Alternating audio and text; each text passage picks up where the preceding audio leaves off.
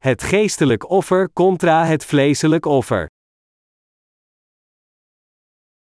Genesis 4 vers 1 tot 5. De mens, Adam, had gemeenschappelijk met Eva, zijn vrouw, en zij werd zwanger en bracht Kain ter wereld. Met de hulp van de Heer, zei ze, heb ik het leven geschonken aan een man. Later bracht ze zijn broer ter wereld, Abel. Abel werd herder, Kain werd landbouwer. Op een keer bracht Kain de Heer een offer van wat hij had geoogst. Ook Abel bracht een offer, van de eerstgeboren dieren van zijn kudde koos hij de mooiste uit. De Heer merkte Abel en zijn offer op, maar voor Kain en zijn offer had hij geen oog. Dat maakte Kain woedend, zijn blik werd donker. Door de offers van Abel en Kain, in de geschrifte passage van vandaag leren we in detail over geestelijk geloof en vleeselijk geloof. Met andere woorden, God legt ons in exacte voorwaarden uit wie onder de hedendaagse christenen diegenen zijn die het ware geestelijke geloof voor God hebben, en wie diegenen zijn die het vleeselijke geloof hebben. Terwijl Kain God aanbad met een offer van de producten van de grond, offerde Abel de eerstgeboren van zijn kudde en hun vet. Dat Abel hier de eerstgeboren van zijn kudde en hun vet offerde betekent dat Abel God aanbad door zijn geloof in Gods woord en zijn rechtvaardigheid te plaatsen. Het offer dat God van ons wil is het offer dat gegeven wordt door te geloven in het doopsel van Jezus Christus, die de eerstgeboren van de kudde is, en in zijn bloedoffer. In het Oude Testament ontdekken we consequent het offer van verzoening, dat werd geofferd met een lam. Dit spreekt niet alleen over de waarheid dat de vergeving van zonde niet verkregen wordt zonder het offer van de verlossing, maar het vertelt ons welk soort van geloof we moeten hebben als we God benaderen. Inderdaad, als we God benaderen en voor Zijn aanwezigheid staan, dan moeten we dit doen door ons vast te houden aan de rechtvaardigheid van Jezus Christus en door te geloven in de waarheid van het eeuwige offer van verlossing dat Christus vervulde. In wezen, vraagt de geschrifte passage van vandaag, zijn de hedendaagse christenen echt wedergeboren? Hebben zij de Heilige Geest in het centrum van hun harten?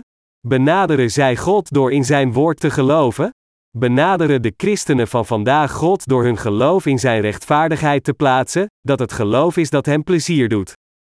Zij staan voor de aanwezigheid van God door Zijn rechtvaardigheid, zich verenigend met het geloof vereist door God? Het antwoord is onverbiddelijk nee. Mijn medegelovigen, waren noemt de Bijbel hier specifiek de eerstgeborene van Abels kudde? Kon het niet gewoon gezegd hebben dat Abel, zijn kudde, offerde zonder iets over de eerstgeboren te zeggen? Per slot van rekening, vertelt de Bijbel beknopt dat Kain de producten van de grond offerde. Het is zeer aannemelijk dat de Bijbel gewoon geschreven zou hebben dat Abel zijn kudde offerden in plaats van de eerstgeboren in het bijzonder te noemen, maar dat staat er niet geschreven. Dit toont aan dat Jezus Christus de Zoon van God de Vader is. Dat is waarom de Bijbel zegt: ook Abel bracht een offer, van de eerstgeboren dieren van zijn kudde, en van hun vet. Dat Abel de eerstgeboren van zijn kudde en hun vet offerde betekent dat God zijn zoon als de verzoening voor onze zonden offerde. Zoals beschreven staan in het boek van Leviticus, als een offer werd geofferd op het brandofferaltaar, en men de vergeving van zijn zonde zocht, dan legde men als eerste de handen op het offerdier, dit dier werd dan gedood, het vlees werd in stukken gesneden en het vet dat de ingewanden en lever bedekte werd eruit gehaald en samen met het vlees verbrand als offer aan God. Het was dan dat Jehovah God het offer met plezier accepteerde. Abel offerde het vet van de eerstgeboren en zijn kudde. Dit betekent dat Abel zijn offer gaf in overeenstemming met Gods wil, want hij kende zijn verlangen. Abel gaf zijn offer niet volgens zijn eigen gedachten, maar volgens het woord van God. Abels offer werd geofferd met geloof, volgens het verlangen van God. De Bijbel spreekt over twee soorten van mensen: de geestelijk gezinde en de vleeselijk gezinde. God had tunieken van huid gemaakt voor de vader en de moeder van Abel en kleedde hen. Van zijn ouders erfde Abel hun geloof in Gods rechtvaardigheid, en hij benaderde God door zijn geloof ook in deze rechtvaardigheid te plaatsen. Anders gezegd, hij stond voor de aanwezigheid van God door te geloven dat God hem van zijn zonde had gered door het offer. In tegenstelling, Kain benaderde God met de producten van de grond, dat wil zeggen, zijn eigen verdiensten. Dit betekent dat gaandeweg, diegenen die beleiden in Jezus te geloven gescheiden worden in twee soorten van mensen: de mensen met het geestelijke geloof en de mensen met het vleeselijke geloof. Adam en Eva schonken het leven aan Kain en Abel, en na verloop van tijd gaven deze twee zonen offers aan God. Een van hen offerde de producten van de grond, en de andere offerde het offerlam van zijn kudde. Het geloof van de mensen is stevast gescheiden in twee types. We moeten onze instinctieve gedachten van het vlees negeren, en het geloof van diegenen navolgen die geloven in God in overeenstemming met hoe het woord van God leidt. God zal al diegenen vernietigen die niet hun gedachten negeren, maar in plaats daarvan hun levens van geloof leven volgens de instinctieve verlangens van hun vlees. We kunnen de christenen in de volgende twee types onderscheiden: diegenen die naar God rennen door hun geestelijk geloof, en diegenen die alleen ernaar zoeken hun vleeselijke verlangens met hun vleeselijk geloof te vervullen.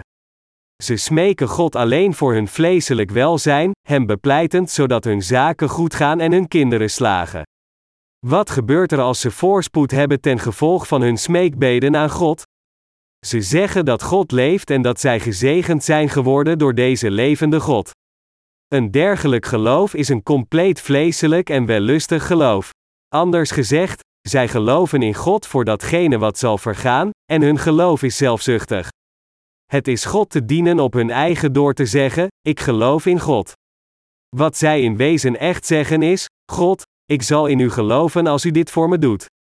Dus is hun geloof voorwaardelijk en zelfzuchtig. Dit geloof is zoals het geloof dat Kain offerde aan God met de vruchten van de grond. Deze mensen leiden hun levens van geloof alleen voor hun aardse voorspoed. Maar wat goed doet het als alleen de aardse welvaart veilig gesteld wordt? Per slot leven mensen hoogstens voor maar 70 of 80 jaren. Deze aarde zal ook met de tijd verdwijnen. En diegenen die leven zonder gereinigd te worden van hun zonde kunnen niet gezegend worden door God. Mijn medegelovigen, het zijn uw zielen die moeten gedijen, niet uw vlees. Uw zielen moeten meer gedijen dan uw vlees, u moet meer geïnteresseerd zijn in datgene wat voor eeuwig houdt, en boven alles, moet u het eeuwige leven verkrijgen. We moeten onze smeekbeden aan God maken voor datgene wat eeuwig is. De Heer zegt tegen ons: zoek liever eerst het koninkrijk van God en zijn gerechtigheid, dan zullen al die andere dingen je erbij gegeven worden. Matthäus 6, vers 33.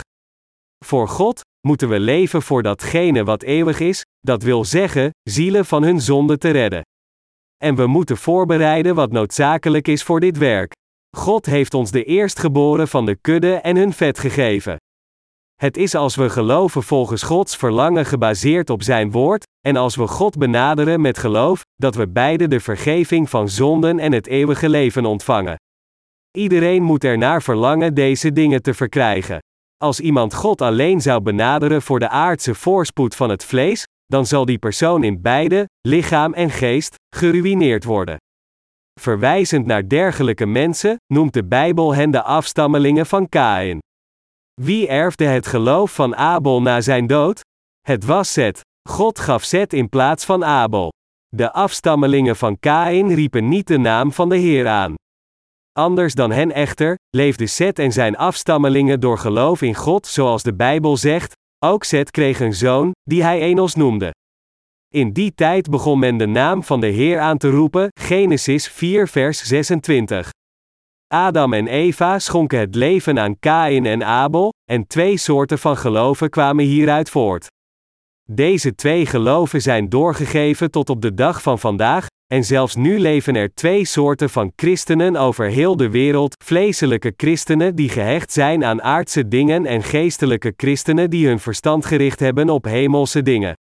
De laatste die er naar verlangen de dingen van de hemel te verkrijgen, geloven volgens zijn geschreven woord, en dit is hoe zij ontvangen wat ze zoeken. In tegenstelling, de vleeselijke christenen die gewoon aardse dingen willen kunnen niet krijgen wat ze willen, maar uiteindelijk zullen hun zielen de vernietiging van de hel aanschouwen. De christenen in deze wereld zijn gescheiden in de leden van de zichtbare kerk en de onzichtbare kerk. Het boek van Exodus in het Oude Testament vermeldt een reeks van gebeurtenissen waarin God de afstammelingen van Jacob uit Egypte haalt en hen naar het land van Canaan leidt. Het volk van Israël dat riep vanuit Egypte is een model van de kerk. Het Latijnse woord voor kerk is ecclesia, dat betekent diegenen die geroepen zijn uit de wereld. Betekent dit dan dat alleen het volk van Israël Gods kerk vormt? Alternatief, sinds wij die niet-Joden zijn, God benaderen door te geloven in het evangelie van het water en de geest, zijn wij het die Gods kerk vormen? Welke is Gods ware kerk? De ware kerk van God in deze wereld is de samenkomst van diegenen die gered zijn geworden van zonde door Jezus Christus. Abel aanbad God met de eerstgeboren van zijn kudde en het vet. Net zoals Abel, moeten wij het perfecte geloof hebben dat gericht is op het evangelie van het water en de geest, dat de rechtvaardigheid van God vormt, we moeten onze harten met God verenigen, en we moeten leven door dit geloof dat gelooft in het eeuwige leven. Wij zijn leden van Gods kerk, diegenen die heiligen zijn geworden. Het is de samenkomst van gelovigen in het evangelie van het water en de geest die Gods kerk vormt. Over het algemeen is de kerk gecategoriseerd in de zichtbare en onzichtbare kerk. De zichtbare kerk verwijst naar de kerk van wie het bestaan in de wereld daadwerkelijk fysiek gezien wordt, terwijl de onzichtbare kerk verwijst naar de geestelijke samenkomst van diegenen die de vergeving van hun zonde hebben ontvangen door het woord van waarheid. Hoewel de zichtbare kerk erkend wordt door de wereld en zich gedraagt alsof ze goedgekeurd is door God, maar het is in feite voornamelijk een religieuze groep die niets te maken heeft met het geloof dat God van ons verlangt. Echter, de onzichtbare kerk is de samenkomst van diegenen die zoals Abel, hun geloof in God zijn gerechtigheid offeren, en dus is het een samenkomst waar de rechtvaardigen samenkomen om God te aanbidden. Niets anders dan deze onzichtbare kerk is Gods kerk. Zelfs, als de samenkomst niet erkend wordt door de mensen van de wereld, als het een samenkomst is van diegenen van wie het geloof rechtschapen is voor God, dan is het Gods kerk. Als van de andere kant de samenkomst niet gevormd is volgens de wil van God, dan is het niet Gods kerk, ongeacht het geloof waarin vertrouwt God door de mensen van deze wereld. Anders gezegd, een kerk die God goedkeurt als de bijeenkomst van zijn kinderen, is Gods kerk ongeacht de beoordeling of goedkeuring van wereldse mensen. Echter, een kerk die gevestigd wordt door de soort van geloof dat God aanbidt met de vruchten van de grond, zoals Kaïns offer, is niet Gods kerk, zelfs als zij aanhangers beweren dat hun bijeenkomst Gods kerk is, want dit soort van kerk is niet gecentreerd rond God, maar het is gebaseerd op humanisme. Hoe noemt de Bijbel een dergelijke kerk die niet Gods kerk is? Het wordt de synagoge van Satan genoemd, Openbaring 2 vers 9 en 3 op 9.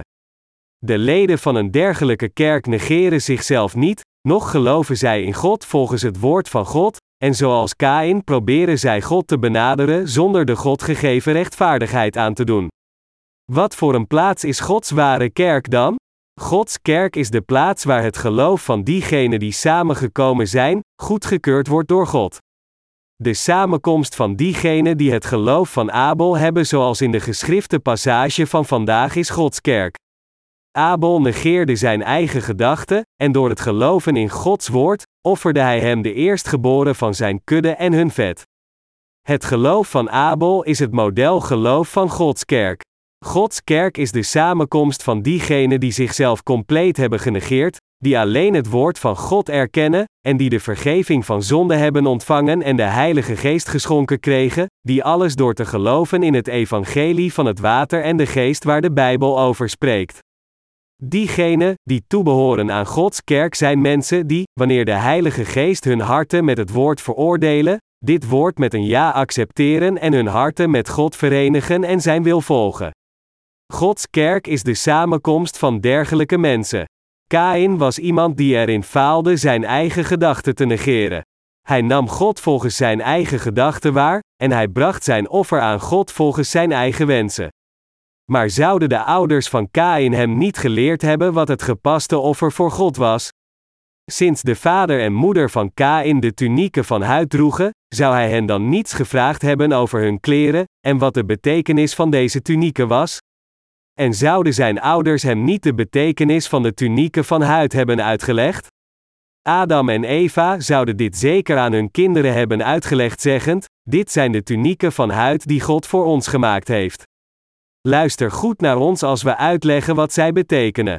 Lang geleden werden papa en mama misleid door Satan om te zondigen tegen God, en dien ten gevolge aanschouwden wij de dood. Maar God doodde in plaats daarvan een levend dier en kleedde ons met zijn huid. Op dat moment gaf God onze zonden aan dit dier door en veroordeelde het in onze plaats. Dit is hoe God ons gered heeft. Het was om ons van onze zonden te bevrijden dat God het dier doodde. Hij gaf onze zonden door aan het offerdier en wiste hen allen uit. Dus wij geloven in God als onze Verlosser. God is de God van de liefde. Wij werden zo gered, ondanks al onze overtredingen. Als Adam en Eva dit niet aan hun kinderen zouden hebben uitgelegd, hoe zou Abel dan de eerstgeboren van zijn kudde aan God geofferd kunnen hebben? De tunieke van huid die zij van God hadden gekregen was een buitengewoon geschenk. Als u een medaille van grote eer zou ontvangen, zou u die dan niet op een plaats handen waar iedereen hem kan zien. Zou het dan niet waarschijnlijk zijn geweest dat Adam en Eva ook de tunieken van huid die God voor hen gemaakt had getoond zouden hebben? En zouden zij niet altijd over deze tunieken gesproken hebben tegen hun kinderen? De apostel Paulus zei: Volg mij na, broeders en zusters, en kijk naar hen die leven volgens het voorbeeld dat wij u gegeven hebben. Filippenzen 3, vers 17. Geloof wordt geërfd van boven. Het geloof van de apostel Paulus, dat geplaatst was in het evangelie van het water en de geest werd aan ons intact doorgegeven. Paulus probeerde zijn geloof aan zijn leerlingen door te geven. Anders zou het niet doorgegeven zijn. Waarom zouden we onze kinderen niet vertellen over het evangelie van het water en de geest, het woord van waarheid? Papa was zo zwak dat ik niet kon leven in overeenstemming met Gods woord, maar de Zoon van God zal naar deze wereld komen, al mijn zonden overnemen door te worden gedoopt in de rivier de Jordaan, en zijn bloed aan het kruis in mijn plaats vergieten. Dit bloed is mijn leven. Het was papa die bloed moest vergieten en sterven, maar de Zoon van God zou gedoopt worden en doodbloeden in mijn plaats. En hij zal weer van de dood verrijzen. Heb ik dan zonden of niet? Ik heb geen zonde, niet waar? Ja, ik ben nu zondeloos. Dat is omdat het lam van God zoveel van papa houdt dat hij al hun zonden zo zou overnemen en voor mij zal sterven. Adam en Eva vertelden het verhaal van Gods zaligmaking aan hun kinderen, maar toen de tijd voorbij ging, gingen deze kinderen verschillende offers aan God geven. De geschiedenis van het geloof van de mensheid is de geschiedenis van deze twee types van mensen. Het is de geschiedenis van diegenen die geestelijk zijn en van diegenen die vleeselijk zijn. Met andere woorden, het geloof van de mensen voor God werd gescheiden en werd zo doorgegeven. Zelfs nu kan het hele menselijke ras worden onderscheiden in deze twee types. En terwijl een van hen naar de hel zal gaan, zal het andere type naar de hemel gaan. Zoals Irving Jensen toont in zijn Bijbelstudiekaart, werd het christendom in deze wereld geboren vanwege Jezus Christus. Een grote menigte ging toen erin geloven. Dus is er een dikke lijn getekend op de kaart. Maar onder deze dikke lijn is een andere lijn die evenwijdig loopt, zo dun dat die bijna onzichtbaar is. De dikke lijn valt uiteindelijk op de kaart in een afgrond, erop wijzend dat de uiteindelijke bestemming de hel is. Maar de dunne lijn, die de rechtvaardige vertegenwoordigen, stijgt naar boven, erop wijzend hoe de rechtvaardige opgetild wordt tijdens de opname. Het is een zeer veelzeggende kaart. Net zo zullen talloze mensen in de kerken van de wereld tragisch in de afgrond vallen, ondanks dat zij in Jezus geloven. Jezus zei: Ga door de nauwe poort naar binnen. Want de brede weg, die velen volgen, en de ruime poort, waar velen door naar binnen gaan, leiden naar de ondergang. Nauw is de poort naar het leven, en smal de weg er naartoe, en slechts weinigen weten die te vinden. Matthäus 7, vers 13 tot 14. Wat in brede weg is de weg van Kain. Deze weg is de weg naar de vernietiging die niet gevolgd wordt door Gods kerk, maar door al de wereldlijke kerken op deze aarde. Sinds diegenen, die toebehoren aan de wereldlijke kerken God aanbidden volgens hun eigen wensen, denken zij dat dit voor hen geweldig is. Zich niet bekommerend of God hun offers accepteert of niet, brengen zij elk product van het veld, van aardappelen tot mais, en zeggen tegen God: Heer, accepteer alstublieft onze offers. Zijn ze niet prachtig? Accepteer hen voor ons, Heer. Ze brengen hun offers naar God met de volgende houding: Wij hebben zo hard gewerkt om deze dingen te verbouwen, en ze zijn zo prachtig. Als u ze niet accepteert, dan bent u geen God.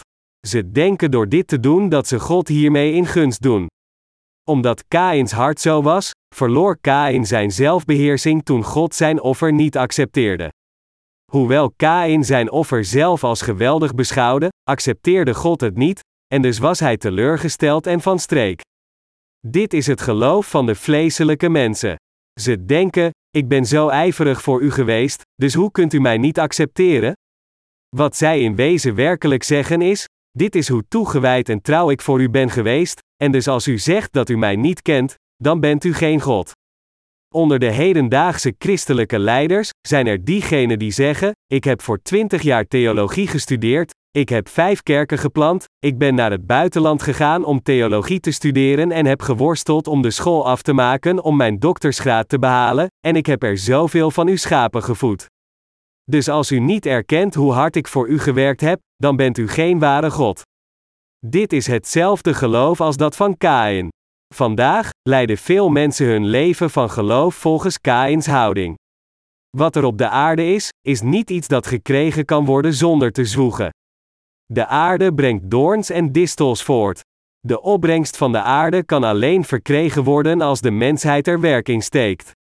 Dat Kain de producten van de grond nam en aan God offerde betekent dat hij God met zijn hypocritische handelingen benaderde, denkend dat God op de een of andere manier beleiden zou zijn met de deugdzame daden van zijn eigen vlees. Echter, God accepteerde Kains offer niet. Hoewel hij voor God had gewerkt, accepteerde God hem niet. Kain was niet voor God gekomen met het geloof in zijn rechtvaardigheid. De Bijbel maakt hier duidelijk dat God geen enkel product van de mens eigen werk kan accepteren, behalve dan het evangelie van het water en de geest. Van de andere kant, het feit dat Abel de eerstgeboren van zijn kudde en hun vent offerde betekent dat hij geloofde in het evangelie van het water en de geest. Wetend dat Adam en Eva zouden zondigen en uit zijn genade zouden vallen, had God beslist zelfs voor de stichting van de wereld hen van hun zonde te redden en tot zijn eigen kinderen te maken. Hij besliste dit in zijn voorzienigheid. En in overeenstemming met zijn voorzienigheid, accepteert God diegenen die geloven in zijn rechtvaardigheid, diegenen die naar hen toekomen met dit geloof. God accepteert hen omdat zij voor zijn aanwezigheid staan door te vertrouwen in de wet van zaligmaking dat absoluut geen enkel menselijk werk bevat. Met andere woorden, God accepteert niets dat het werk van de mens meebrengt. Maar het geloof van diegenen, die nog niet zijn wedergeboren, bevat zoveel eigen werk. Maar ze kunnen zich er niet toe zetten het allemaal weg te doen, sinds het een verspilling zou zijn omdat ze er zoveel werk in hebben gestoken, en dus kiezen ze ervoor het aan Gods te geven als het offer van hun eigen werken. Het geloof van dergelijke mensen is niets meer dan dat van de producten van de grond. Hun hele leven van geloof wordt gekenmerkt door een eigen toewijding, van het begin tot het eind. Zij zijn alleen vervuld met hun eigen werk. Ze denken: ik ben begonnen in Jezus te geloven om deugdzaam te leven, en nadat ik in Hem ging geloven, heb ik talloze keren getuigenis gegeven, veel gebeden, veel vrijwilligerswerk gedaan en tonnen van offers gegeven. Alles dat van hen komt is hun eigen prestatie en toewijding. Alle christenen die niet zijn wedergeboren benaderen God alleen met het geloof van hun eigen toewijding. Hun eerste prioriteit is toewijding, een tweede prioriteit is ook toewijding en het derde prioriteit is ook weer toewijding tot de dag dat ze sterven. Is het niet zo? Diegenen die nog niet zijn wedergeboren hebben niets anders dan het geloof in hun eigen toewijding. Hebben zij geloof? Hebben zij de waarheid? Hebben zij Jezus Christus? Hebben zij de Heilige Geest? Benaderen ze God zijn hart kennen en in Hem gelovend? Nee, ze benaderen God zonder zijn rechtvaardigheid te kennen, noch erin te geloven. Kains offer werd gegeven met zijn eigen werk. De hedendaagse christenen die Kains offer volgden, kunnen nooit wedergeboren worden omdat ze nooit het evangelie van het water en de geest hebben ontmoet. Ze begonnen als eerste te geloven in Jezus omdat ze dankbaar waren voor zijn dood aan het kruis. En, toen ze begonnen de zogenaamde kerk te bezoeken, leerden ze de rechtvaardigheid van de wet van God te kennen. Toen gingen zij het christendom zien en erin geloven als een kwestie van doctrine bij zichzelf denkend: Oh, Jezus nam al hun zonde weg. Ik zal gered worden als ik alleen in Hem geloof met veel vurigheid. Tijdens al deze jaren van hun zogenaamde geloof zijn ze nooit volledig gereinigd van hun zonden en oprecht wedergeboren door het evangelie van het water en de geest. Hoewel zij Jezus Christus nooit door het ware geloof hebben ontmoet, hebben zij de Heer vanaf het begin met volledige toewijding gediend, om te ontdekken dat hun zonden zich opstapelen in hun harten. Echter, de wereldlijke kerken verwachten nog meer toewijding van hen, zelfs tot aan de dood. Dus verdubbelen ze hun pogingen in vroomheid. Er is geen einde aan hun toewijding. Dus voor de gelovigen die niet zijn wedergeboren en Kaïns offer geven, denken als de tijd van een dood nadert, het is zo moeilijk dat ik zelfs mijn leven van geloof niet meer kan leiden. Zal ik ermee ophouden? Als ik had geweten dat het leven van geloof zo moeilijk zou zijn, dan was ik niet begonnen zo vroeg te geloven. Ik had moeten wachten tot op mijn stervensbed. Het was een grote fout zo vroeg te geloven. Ik ben zo stom, had me dit maar iemand op voorhand verteld. Ik heb mijn hele leven alleen maar gezwoegd. Echter, als ze nieuwe gelovigen zien, denken ze: U bent onwetend net zoals ik was, en dus zult u gaan lijden net zoals ik. Ik heb veel geleden door te geloven in Jezus, nu is het uw beurt. In ieder geval bent u mijn prijs. U bent mijn springplank naar mijn beloning. Dit is waarom zij in het christendom worden gesleept en veel zielen doden, diegenen die niet hoeven te sterven. Anders gezegd, het is niet voor God dat zij het christendom prediken, maar voor henzelf zeggend, ongeacht wat, geloof in Jezus als uw verlosser, of u ontgoocheld bent of niet, geloof. Ik leid ook net als u dus geloof in God net als ik. Zij doen dit hopend om beloond te worden door God en om al hun plichten te vervullen, maar dit is een verkeerd geloof. Dergelijke mensen leiden hun levens van geloof voor hun eigen vleeselijke voorspoed om een reputatie te verkrijgen, rijk te worden en hun eigen sociale status veilig te stellen. Diegenen die nooit wedergeboren zijn door het evangelie van het water en de geest geven het offer van Kain. Als we vragen, wanneer en hoe bent u wedergeboren? Dan zeggen sommigen van hen dat ze wedergeboren zijn in een droom. Ze beweren dat terwijl ze aan het bidden waren in een droom, Jezus verscheen en tegen hem zei: Broeder, zo aan zo, ik hou van u, ik heb u gered. Heer, is het echt waar? Ik geloof. Ze zeggen dat ze zo zijn wedergeboren. Om een dergelijk geloof aan te hangen zijn de producten van de grond te offeren. Anderen beweren weer dat terwijl ze baden, zij een visioen keren waarbij de hemel voor hen geopend werd. Lang geleden zag ook ik een andere wereld terwijl ik bad, hoewel mijn ogen open waren. Toen het zich voor mij opende, was de hemel zo hoog en blauw. Ik zag hoe donkere wolken zich samenpakten, maar er kwam een klein beetje licht door een gatje tussen de wolken, en van daaruit verscheen Jezus en kwam naar me toe. Al gauw begon er water als een waterval neer te vallen uit dat kleine gatje, zoveel water viel omlaag van een dergelijke hoge plaats. Ik zag dit visioen ondanks dat mijn ogen wijd open waren. Het was een spectaculair gezicht. Stelt u zich voor dat Jezus voor u verscheen en tegen u zei: Broeder zo en zo, ik hou van u, u bent mijn dienaar. Als u dit maar een keer in een visioen zag, wat zou er nog meer gezegd kunnen worden? U zou volkomen overtuigd zijn. Kain was er ook voor 100% van overtuigd dat God blij zou zijn met zijn offer. Diegenen die in de ban zijn van een dergelijk visioen kunnen zeggen: God, ik geloof hierin. Ik geloof dat u mij gered heeft, en dat is waarom zij erin geloven. Het is omdat ze overtuigd zijn van hun eigen mystieke ervaring. Maar iemands eigen bewuste overtuiging dat de Heer hem heeft gered is een overtuiging van eigen makelij. Alles dat voortkomt vanuit de eigen wil en eigen gedachten zijn absoluut niets anders dan de producten van de grond, en dergelijke overtuigingen zijn de overtuigingen die hen naar de hel zullen leiden. Het is van het woord van God dat wij onze zaligmaking moeten bevestigen. Als iemand niet zijn zaligmaking met het woord heeft bevestigd, dan is hij niet iemand die de vergeving van zonde heeft ontvangen. Sommige mensen beweren dat ze wedergeboren zijn, ondanks dat er in hun harten nog steeds zonden zitten. Maar als ze echt zijn wedergeboren, hoe kunnen ze dan nog steeds zondaar zijn?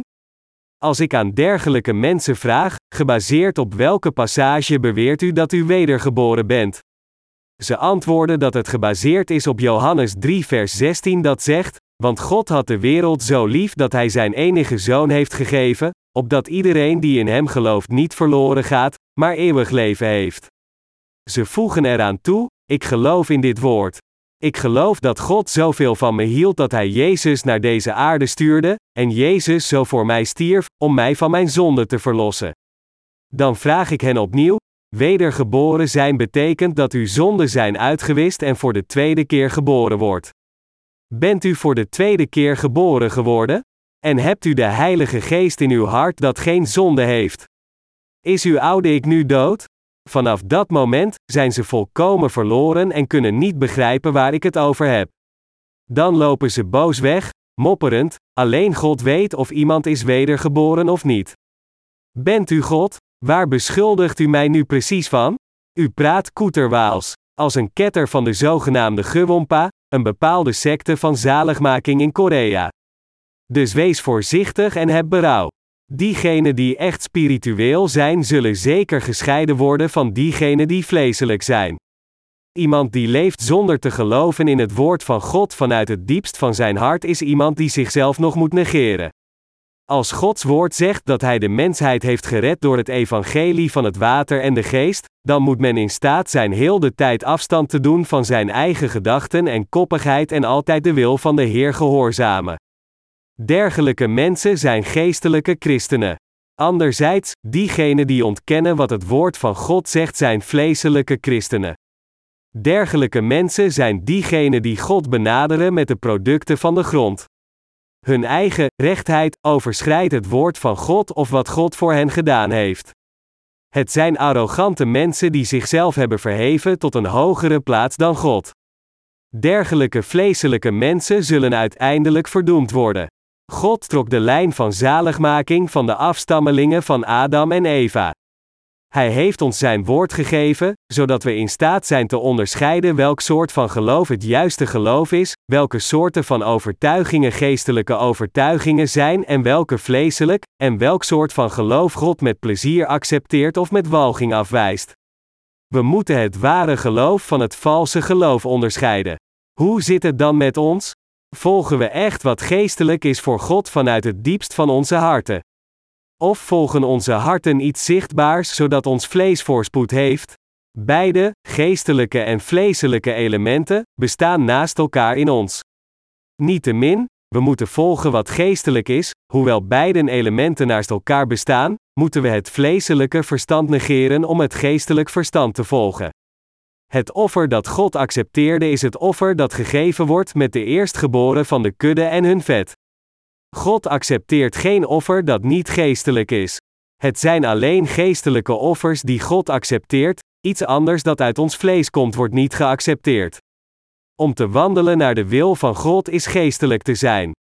Hoewel dit rijk niet gezien kan worden met onze fysieke ogen, te geloven in Gods woord precies zoals het is en te leven voor de zaligmaking van zielen is als eerste te zoeken naar de geest. In tegenstelling, te zoeken naar de voorspoed van het vlees en de verheerlijking van iemands eigen naam is het vlees te volgen.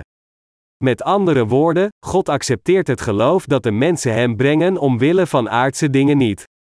Hoewel beide de geestelijke en vleeselijke elementen aanwezig zijn in onze levens van geloof, moet het laatste genegeerd worden, terwijl de eerste moet worden beetgepakt.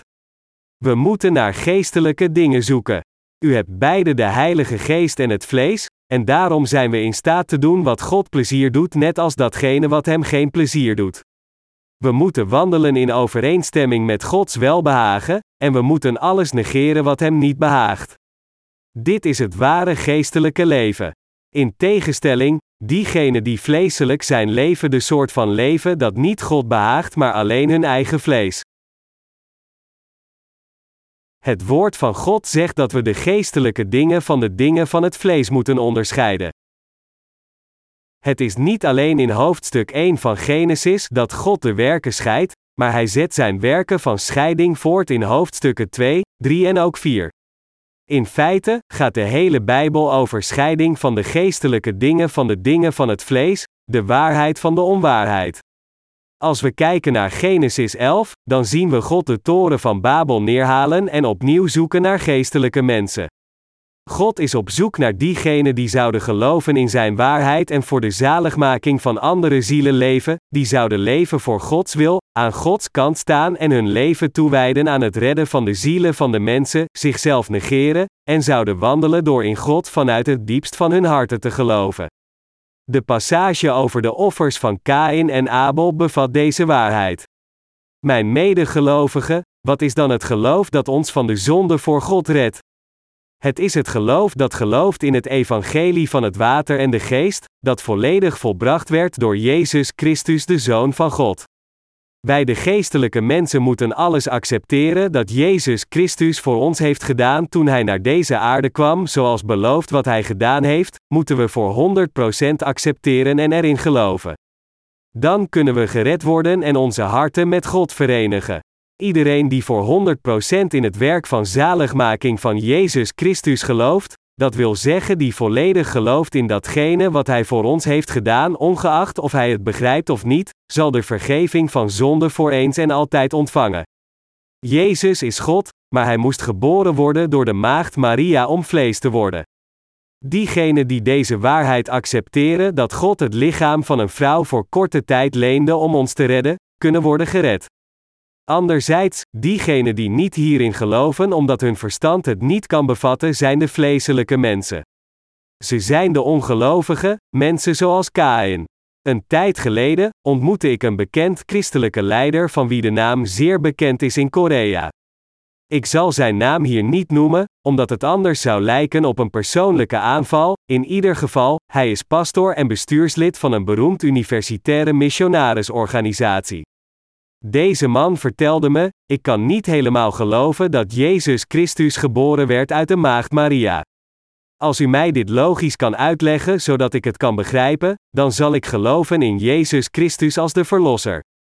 Verbaasd, antwoordde ik: Hoe kunt u, een beroemd pastoor, deze dingen niet weten? Om ons mensen van onze zonde te redden, moest God op deze aarde geboren worden in hetzelfde vlees als dat van ons, om al onze zonden weg te nemen, moest hij geboren worden door het lichaam van een vrouw zoals het voorspeld was in de Bijbel.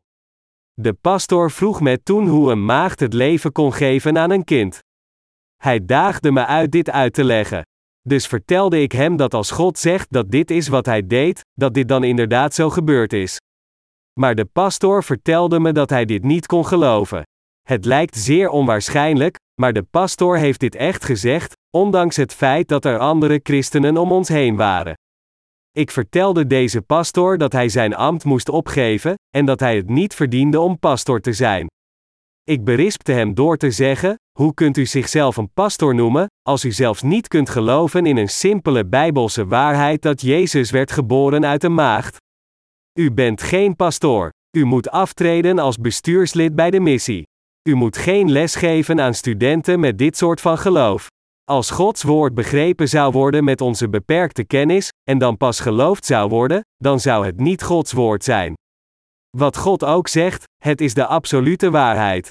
Bovendien spreekt God in begrijpelijke terminologie tegen ons. Het werd ons voorspeld dat God geboren zou worden als de baby Jezus om de mensheid van hun zonde te redden en de afstammelingen van Adam te bevrijden. Zoals er staat geschreven: de maagd zal zwanger zijn en een zoon baren, en men zal hem de naam Immanuel geven, wat in onze taal betekent God met ons, Matthäus 1 vers 23. God beloofde dat hij naar deze aarde zou komen geïncarneerd in het vlees van de mens om bij ons te zijn. En, toen de tijd kwam, vervulde hij dit precies zoals hij had beloofd. Jezus Christus kwam inderdaad naar deze aarde incarneerde in het vlees van de mens door een maagd genaamd Maria. Het was voorspeld dat Jezus Christus geboren zou worden uit de scepter van Juda, Genesis 49 vers 10. Dat is waarom God Jozef koos, die een afstammeling van David was uit de stam Juda, en Maria behoorde ook tot deze stam. Jozef en Maria waren verloofd en zouden gaan trouwen, en een engel kwam naar Maria voordat ze getrouwd waren. Gegroet Maria, je bent begenadigd, de Heer is met je. Je zult zwanger worden en een zoon baren, en je moet hem Jezus noemen. Hoe kan dit zijn, sinds ik geen man ken? Je familielid Elisabeth was onvruchtbaar, maar zij is nu ook in verwachting. Vrouw, door u wordt de Almachtige geboren. Hoe kan zoiets gebeuren? Niets is onmogelijk met het Almachtige Woord van God. De wil van God horend van de engel onderwierp Maria zich aan het woord van God, zeggend: De Heer wil ik dienen, laat er met mij gebeuren wat u hebt gezegd. Ja, zeggend in onderwerping aan de wil van God is wat geloof betekent. Toen Maria zichzelf aan Gods wil onderwierp, werd Jezus Christus in haar verwekt en negen maanden later geboren. Wat de Bijbel zegt dat Gods wil is, is inderdaad zijn wil. We hebben geen keus dan te geloven in het woord van waarheid en het woord dat openbaart wat God voor ons heeft gedaan is bij uitstek geloofwaardig. God maakte ons een belofte en deed deze dingen om deze belofte te vervullen. Omdat God naar deze aarde in het evenbeeld van de mens moest komen om ons van de zonde te redden, kwam de Messias naar deze aarde geïncarneerd in het vlees van de mens. En omdat de zielen van alle menselijke wezens, die hetzelfde vlees hebben als hij, alleen bevrijd kunnen worden van hun zonden en zijn koninkrijk binnengaan als hij al hun zonden UI twist, werd hij gedoopt door Johannes de Doper om onze zonden te laten verdwijnen. Iedereen die voor God komt door te geloven in het doopsel van Jezus Christus en zijn bloedvergieten zal de vergeving van zonden ontvangen. Want al diegenen die geloven dat Jezus al de zonde van de wereld op zich nam door gedoopt te worden in de rivier de Jordaan, zullen bevrijd worden van al hun zonden, ongeacht welk soort van zonde zij ook hebben gepleegd. Dit is het offer van Abel. Niemand moet een Kain-type van offering naar God brengen. Mensen die zoals Kain zijn zeggen dat ze sommige woorden begrijpen en andere niet. De pastor die ik voorheen noemde zei tegen me: Gods woord kan dat zeggen, maar waarom twijfelen zoveel mensen dan aan het mysterie van de geboorte van Jezus? Hij zei verder: Het maakt niet uit wat het woord van God zegt. Ongelovigen zullen nog steeds niet geloven. Iemand die niet deze gedachte negeert is iemand die het offer van Kain offert. De pastor protesteerde verder zeggend: Het mag dan wel zo geschreven staan in het woord van God, maar voor meer dan 2000 jaar tot op vandaag hebben de meeste christenen geloofd dat zij naar het koninkrijk van de hemel zouden gaan, zelfs als zij niet het evangelie van het water en de geest kenden. Dus, betekent dit dan dat zij allen zeker naar de hel gaan? Ik zei toen streng tegen hem: zelfs als mensen in Jezus geloven, tenzij ze zijn wedergeboren door te geloven in het evangelie van het water en de geest, zullen ze zonder enige twijfel naar de hel gaan. Diegenen die geloven in overeenstemming met hun eigen gedachten zijn de mensen die Kaïns offer geven. Anders gezegd, Kaïns offer verwijst naar het geloof van diegenen die niet hun gedachten negeren en niet geloven in overeenstemming met het woord. De Heer zegt dat dergelijke mensen die proberen gered te worden door hun eigen menselijke pogingen en devoties het offer van Kain geven. Het is gewoon te beschrijven wat de Bijbel simpel zei: Kain bracht de producten van de grond als offer. Het juiste geloof is het geloof dat Gods woord precies zo accepteert als het is en precies dat gelooft wat hij zegt. Er zijn nu veel mensen op deze planeet Aarde die niet in staat zijn het offer van geloof zoals dat van Abel te geven. Tegenwoordig geloven en leren mensen zoals K in hun respectieve kerkgrondwetten en doctrines meer dan de Bijbel zelf. Als resultaat eindigen veel christenen geloven in de doctrine van de geleidelijke heiligmaking of in de gebeden van berouw. Maar wat is het eindresultaat?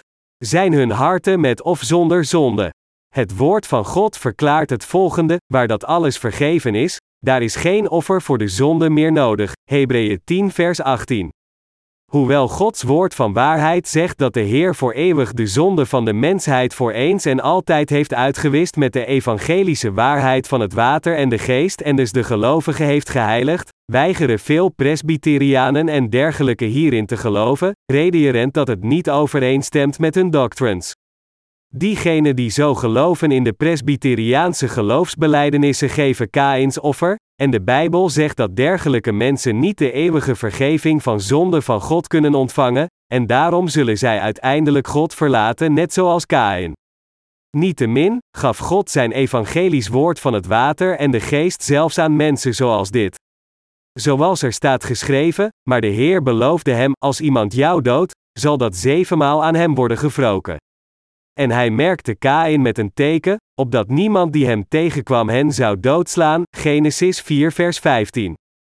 Dat God een teken op Kain zette betekent dat hij hem de zaligmaking van zonde zo garandeert.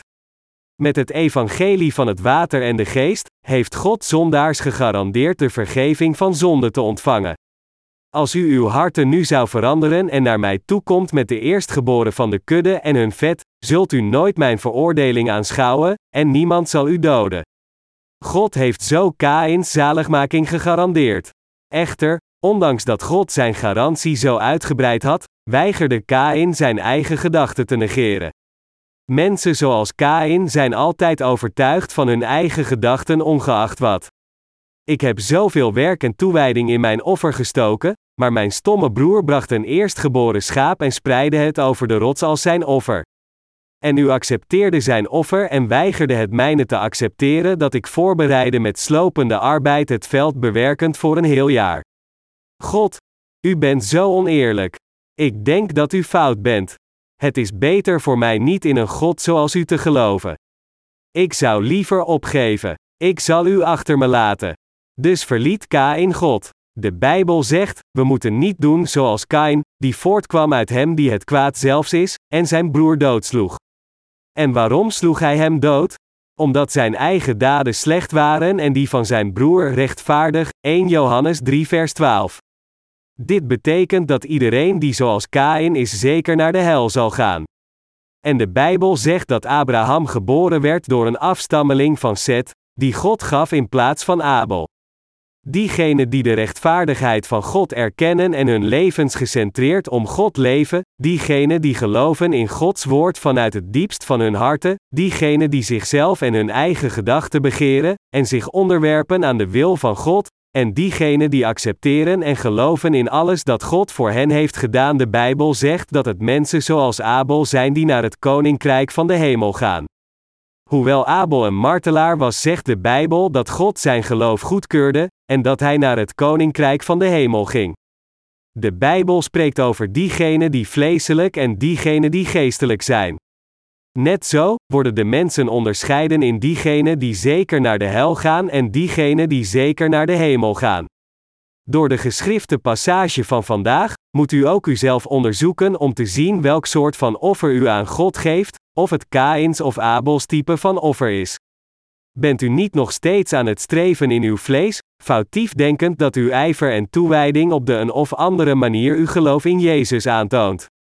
Als een zondaar toegewijd is aan God, zou God dan het offer van die persoon onvoorwaardelijk accepteren? Nooit, God zou alleen zeggen: Dit is zo zielig. Ik wil dit liever niet accepteren, ik accepteer nooit smerige dingen. God zegt dat Hij niet gewoon ieder offer van een zondaar accepteert.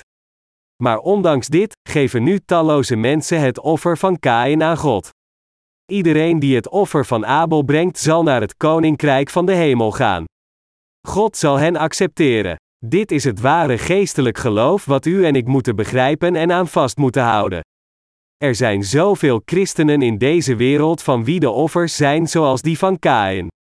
Het offer dat gegeven wordt door geloof, namelijk het evangelie van het water en de geest dat iemand in staat stelt de vergeving van zonde te ontvangen, is een offer dat God accepteert. Mijn medegelovigen, ondanks dat christenen geloven in Jezus, als zij niet kiezen voor het evangelie van het water en de geest, dan zullen zij vernietigd worden, want ze blijven nog steeds zondig.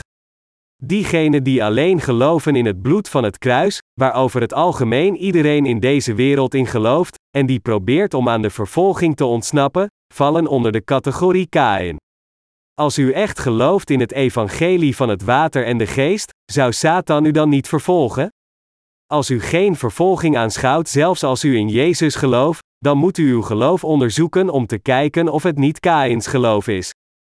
Hoeveel christenen hebben nog steeds zonden in hun harten zelfs als zij beleiden in Jezus te geloven? En hoe gemakkelijk is het voor de mensen om een dergelijk leven van geloof te leiden? Als ze regelmatig de kerk bezoeken, zal hun in een oogwenk het diakenschap aangeboden worden, als zij waardige offers geven, worden ze tot ouderen gemaakt, en als zij ieder seminar bijwonen, worden zij pastors. Dus hoe gemakkelijk is het voor hen om in Jezus te geloven? Wat voor een gemakkelijke en comfortabele baan hebben pastors tegenwoordig? Als iemand afstudeert van school en hard genoeg werkt om een senior pastor te worden, zal hij op zijn minst 3000 dollar per maand verdienen. Als het aantal van de congregatie toeneemt naar verschillende duizenden, zal zijn salaris de 10.000 dollar per maand overschrijden. Als hij een mammoetkerk bouwt en de kerkleden uitbreidt naar de tienduizenden, zal zijn jaarlijks salaris inclusief bonussen waarschijnlijk in de honderdduizenden van dollars belopen. Iedereen vereert een dergelijk succesvolle pastoor en dient hem als godsdienaar. Maar, nog niet één keer hebben deze pastors zichzelf negeerd. Alles is een fluitje van een cent voor hen, zolang als zij een goede relatie met de mensen onderhouden. Maar ze zullen allemaal zeker naar de hel gaan vanwege hun geloof, zo gemakkelijk in Jezus volgens hun eigen gedachten gelovend. Mijn medegelovigen, hebt u ooit uw eigen gedachten en verstand genegeerd? Als u het offer van Abel wil geven, dan moet u uw gedachten negeren. Overweeg dit. Laten we zeggen dat er hier twee offers zijn: een is een lam, geslacht en opengesneden om te worden geofferd, de andere is een hoop van de beste en mooiste producten van een jaar lang boeren. Welk offer zou de mensheid meer aanspreken? Het offer van Kain heeft verschillende soorten van producten, en deze lijken allemaal aantrekkelijk, smakelijk en rijp en kunnen meteen worden gegeten. Abels offer, van de andere kant, is de eerstgeboren van de kudde. Heeft het veel vlees? Nee, er is heel weinig vlees, er is alleen overal bloed, en het is een troep. Denkt u dat een schaap een schoon dier is? Absoluut niet. Tenzij gewassen is zijn vacht zeer smerig. Dus de producten van deze aarde spreken de mensen veel meer aan. Echter, ongeacht hoe aantrekkelijk dit voor onze ogen ook is, als het God niet aanspreekt en Hij de voorkeur geeft aan de eerstgeboren van de kudde, dan moeten we ophouden zo te denken: God zal meer verheerlijkt worden als ik dit geef, en in plaats daarvan onszelf negeren en zeggen: God, ik zal u dit offeren als u dit plezier doet. Iedereen die niet zijn eigen gedachten negeert, zal in de hel worden gegooid. U kent allemaal Judas, hij was een van Jezus' leerlingen, nietwaar? Judas ging naar de hel omdat hij faalde zijn eigen gedachten te negeren. Toen Jezus op deze aarde was, had hij twaalf leerlingen bij zich. Jezus sprak talloze keren over Judas. Een van jullie zal mij verraden. Degene die zijn hand samen met mij in de kom steekt, zal mij verraden. Toch, verraadde Judas Jezus en verkocht hem. En het was pas toen Judas Jezus Christus aan het kruis zag sterven dat hij besefte dat hij inderdaad de zoon van God was.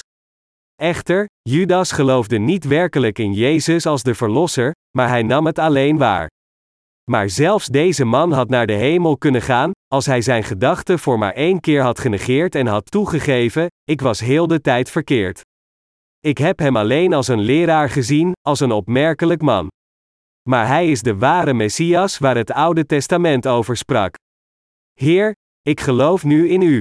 Zelfs als wij de zonde zouden plegen Jezus te verraden, zouden we nog steeds naar de hemel gaan als we geloven in het evangelie van het water en de geest. Als Judas maar één keer zijn gedachten had genegeerd zeggend, Jezus Christus is de Messias die kwam om mij te redden, en in hem geloofd zou hebben als zijn verlosser, dan zou hij naar de hemel zijn gegaan.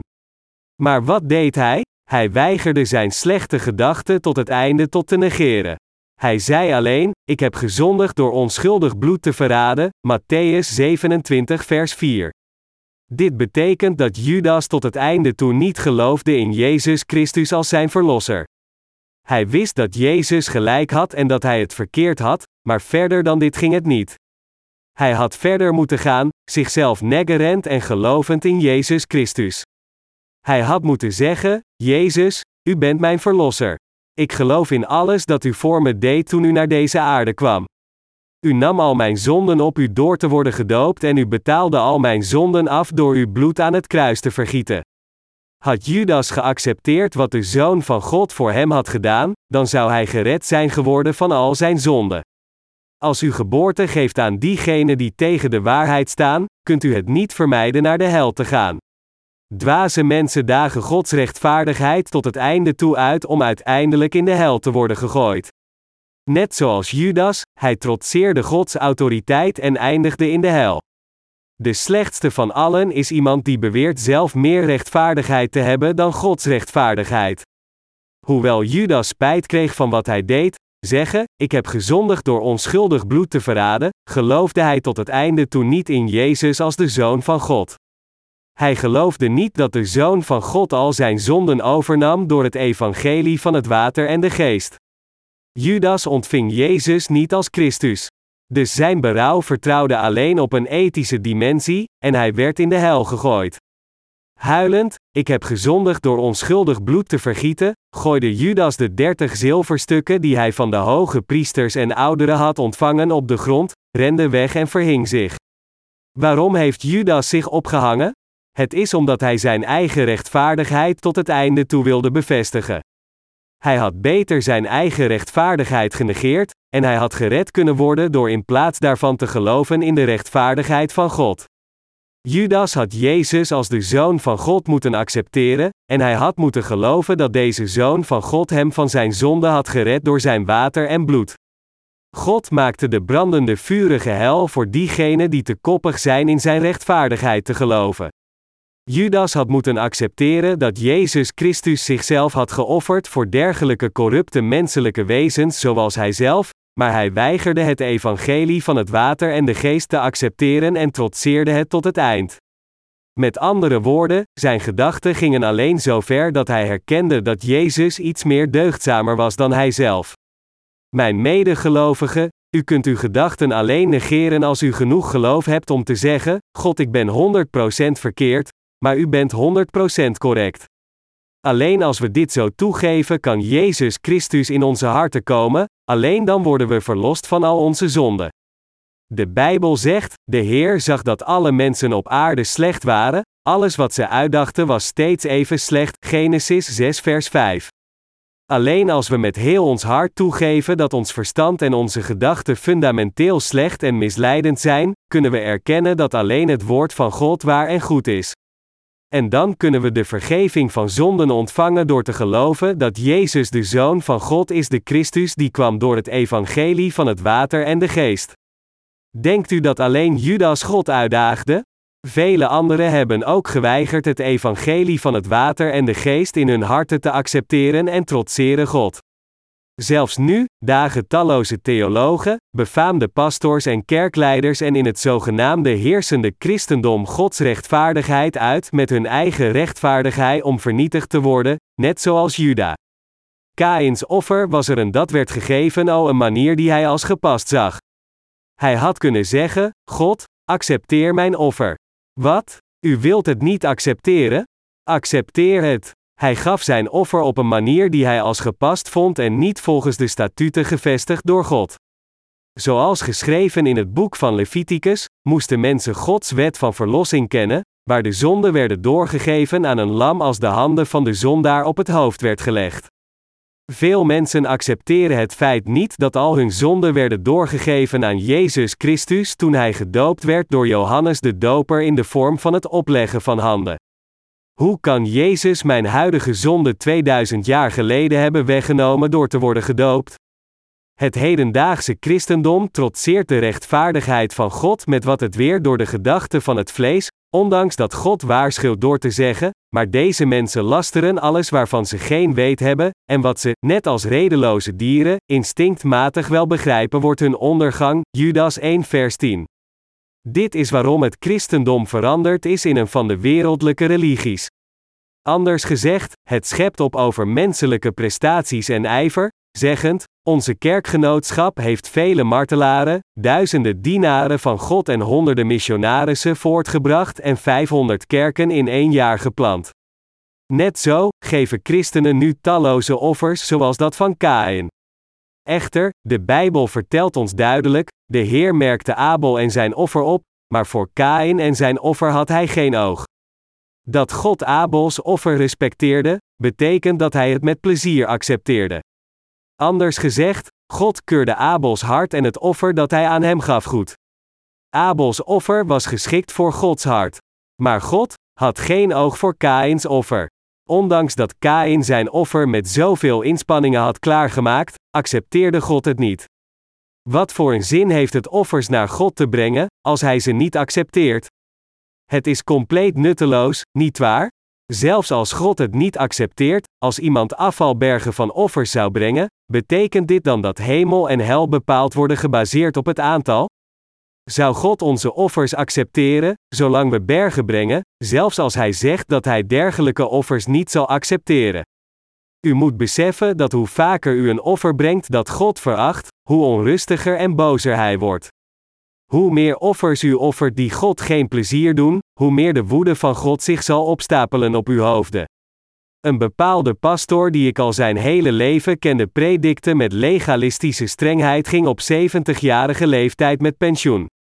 Echter, hij werd nog steeds gekweld omdat hij zonden in zijn hart had, en dus kwam hij een keer naar de gebedsretraite die mijn moeder beheerde. Daar bad hij zo: God, ik ben bijna bij mijn pensioen, en mijn tijd komt ook korter bij, maar ik heb zoveel zonden in mijn hart. Maar toch heb ik voor u de afgelopen 70 jaar zo voor u geleefd, en u zult mij niet te min accepteren. God, ik geloof in u had u mij niet uw genade gegeven, en was ik niet gered geworden, hoe zou ik ooit tot de leeftijd van 70 jaar gepredikt kunnen hebben? In vertrouw op u, mijn medegelovigen, sinds deze pastoor zijn 40 jaar van dienst als een pastoor voor God bracht en bad hem te accepteren, zou hij in staat zijn de hemel binnen te gaan. Jammer genoeg, is hij niet welkom in de hemel. Iemand met een zondig hart kan nooit naar de hemel gaan. Helaas voor deze pastoor was het een onmiskenbaar feit dat hij zonde had in zijn hart, en dat is waarom hij ieder gebedsretraite of kerk bezocht om dit probleem op te lossen. Hij had nog steeds zijn eigen ego, en dus schepte hij op dat hij nooit naar een kerk of gebedsretraite ging die bedorven was door ketterij. Hij klampte zich vast aan zijn beetje trots zeggend, ik zal nooit naar een plaats gaan dat ketters wordt genoemd zelfs als ik naar de hel ga voor mijn zonde. Mijn medegelovigen, bent u nu op zoek om God met uw trots te confronteren?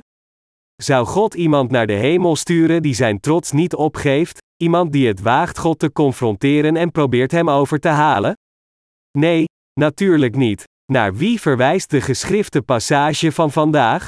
Abels offer vertelt ons: dit is het geloof van de wedergeboren rechtvaardige mensen, terwijl Kaïns offer wijst naar veel christenen die pronken met hun eigen trots en rechtvaardigheid, om te worden vervloekt door God en in de hel worden gegooid.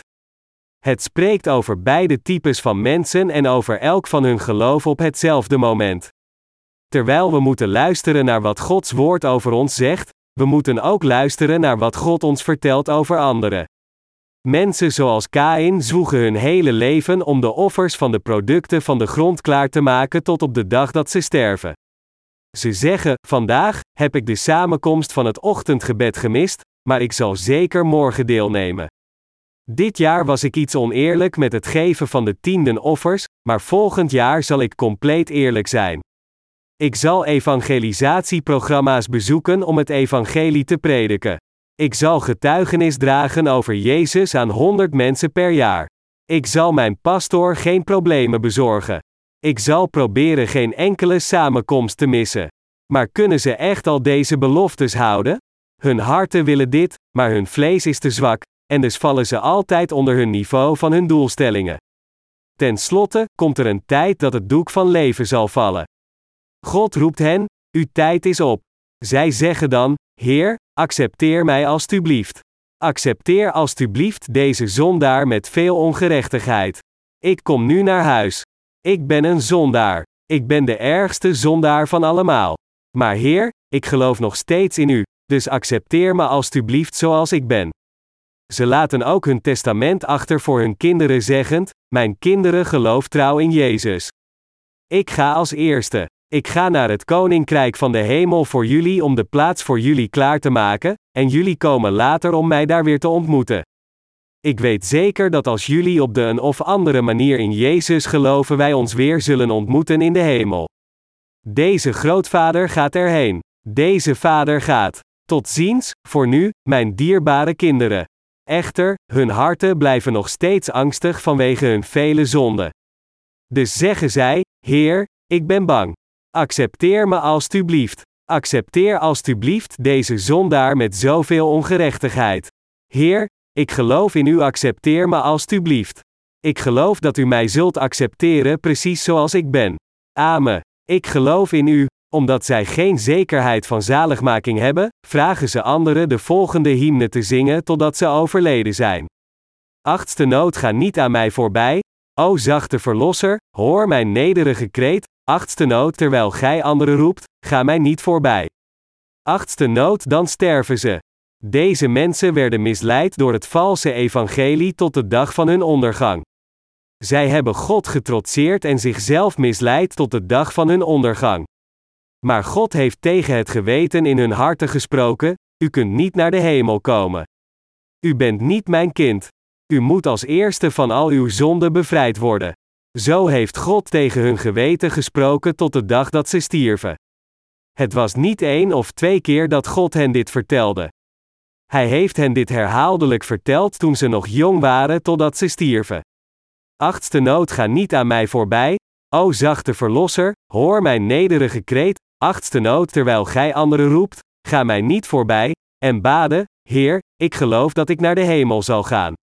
Accepteer me alstublieft. Tegen het geweten van dergelijke mensen zegt God: U kunt niet naar de hemel komen. U bent hier niet toegestaan. Per slot, hebt u niet nog steeds zonden in uw hart? U moet weten dat als u nog steeds zonde hebt, u niet in de hemel wordt toegestaan. Zonder uitzondering heeft God hun harten bezocht en het aan hen duidelijk gemaakt. Maar ondanks dat hun harten vervuld zijn met zorgen, onderwerpen zij zich nog steeds niet aan de stem van God, maar in plaats daarvan, bewust van wat anderen zouden zeggen, slagen ze erin met hun uiterlijke verschijning te doen alsof ze vredevol zijn, zeggend: Ik geloof dat de Heer mij zal accepteren zoals ik ben. Toe het einde, trotseren ze God en misleiden zichzelf, misleiden God en gebruiken zijn naam lichtvaardig. Waar zouden mensen die zichzelf tot het einde toe misleiden, heen gaan? Omdat talloze mensen zichzelf misleiden, zullen zij uiteindelijk in de hel eindigen. Zij zullen zeker niet naar de hel gaan als zij hun eigen harten niet zouden misleiden. Uw zaligmaking is problematisch. Hebt u geen zonde? God benadert het geweten van de mensen en zegt dergelijke dingen. Maar ondanks dit, zijn mensen zo bewust over datgene wat anderen over hen denken dat ze zichzelf niet openbaren zoals ze echt zijn, en daarom misleiden zij zichzelf. Dergelijke mensen kunnen geen genade bij God vinden. Weet u hoeveel mensen in deze wereld zo zijn? Vandaag zijn 99 van de 100 mensen afstammelingen van Kain. Abels afstammelingen zijn minder dan 1 op de 1000 mensen, of misschien zelfs 1 op de 10.000. Als we dit bekijken in de context van de wereldbevolking, dan vormen diegenen die lijken op Kain de absolute meerderheid.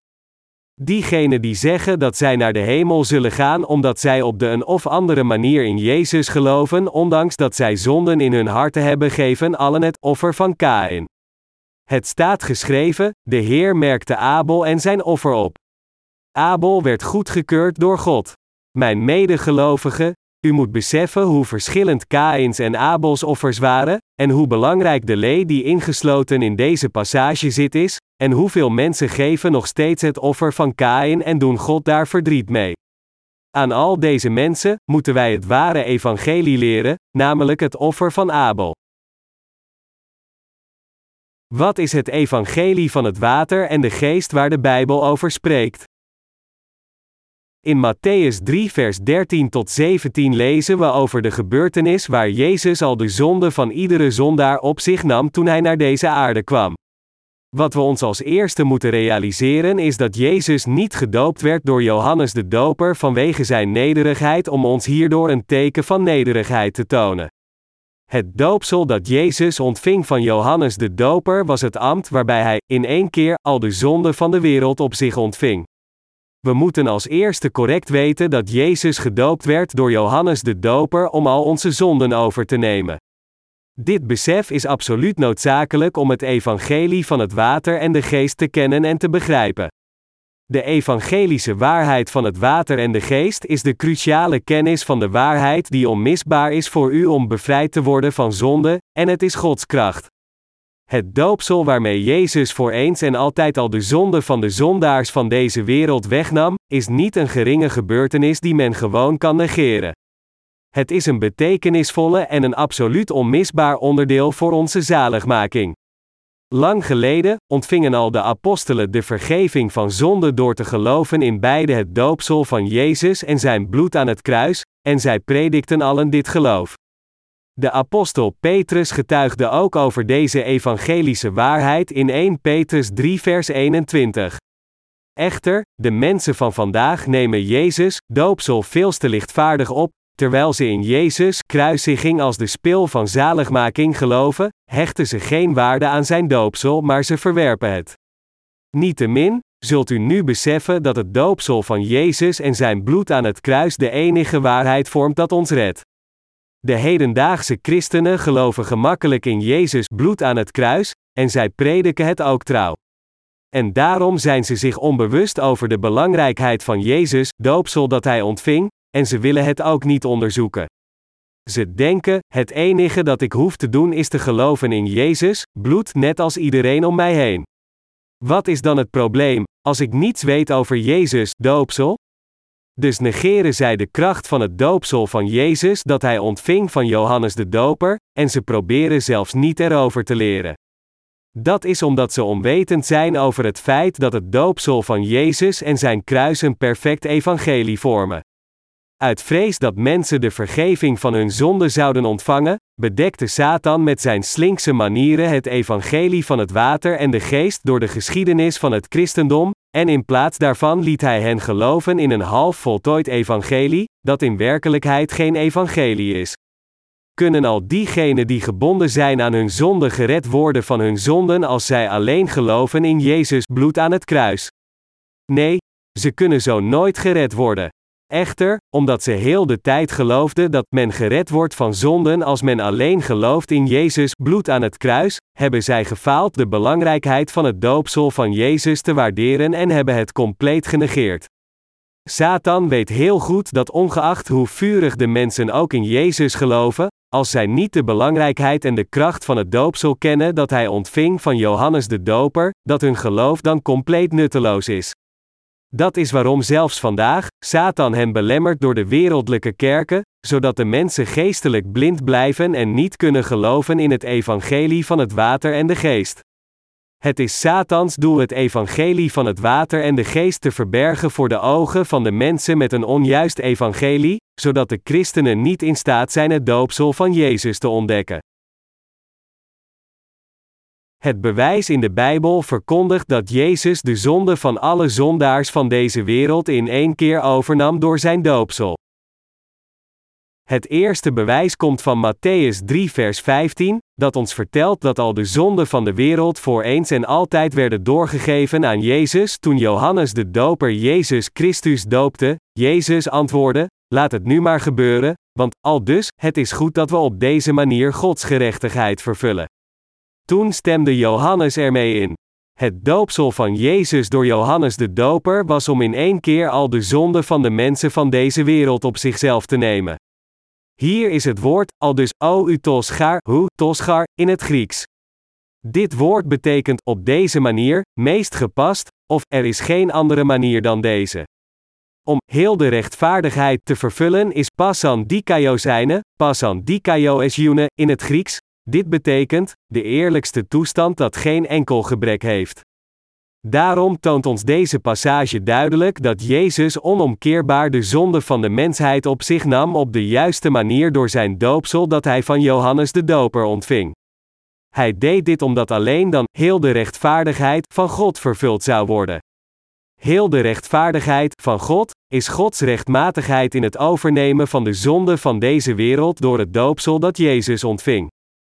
Dit is Gods rechtvaardigheid. Door gedoopt te worden en zijn bloed aan het kruis te vergieten, heeft Jezus compleet de zonde van de mensheid weggewassen en hen van heel de veroordeling gered. Maar iedereen die weigert te geloven in deze waarheid zal voor zijn zonde veroordeeld worden, omdat er staat geschreven: over wie in hem gelooft wordt geen oordeel uitgesproken, maar wie niet in hem gelooft is al veroordeeld, omdat hij niet wilde geloven in de naam van Gods enige zoon, Johannes 3 vers 18. Dit is de rechtmatige zaligmaking en veroordeling van God.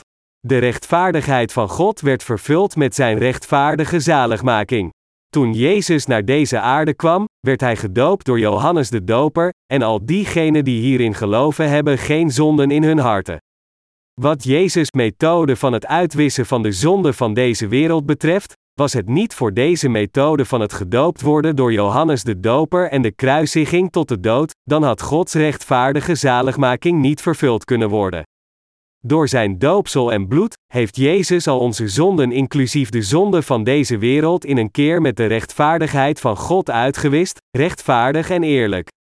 Het is door het doopsel van Jezus dat hij ontving van Johannes de Doper dat hij al de zonde van de mensen overnam, gekruisigd werd, en ons daarmee perfect heeft gered.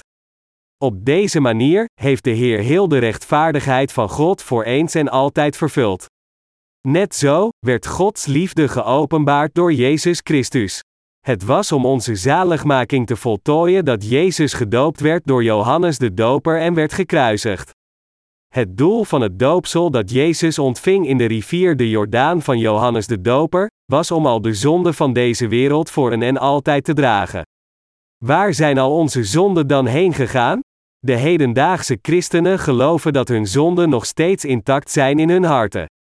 Toen Jezus gedoopt werd door Johannes de Doper om al de zonden van de zondaars over te nemen, en hij droeg inderdaad al deze zonden, hoe kunnen er dan nog steeds zonden in deze wereld zijn? Als u zo gelooft, hoe konden uw zonden dan ooit worden uitgewist? Diegenen die echt geloven in het doopsel van Jezus zullen beseffen dat hun zonden werden doorgegeven aan het lichaam van Jezus. Echter, diegenen die niet geloven in Jezus doopsel met hun harten kunnen nooit zeggen: Er zit geen zonde in mijn hart. We moeten geloven dat Jezus ook al onze persoonlijke zonden overnam toen hij gedoopt werd. Als u in deze waarheid gelooft, hoe kunnen uw zonden dan nog steeds bij u zijn?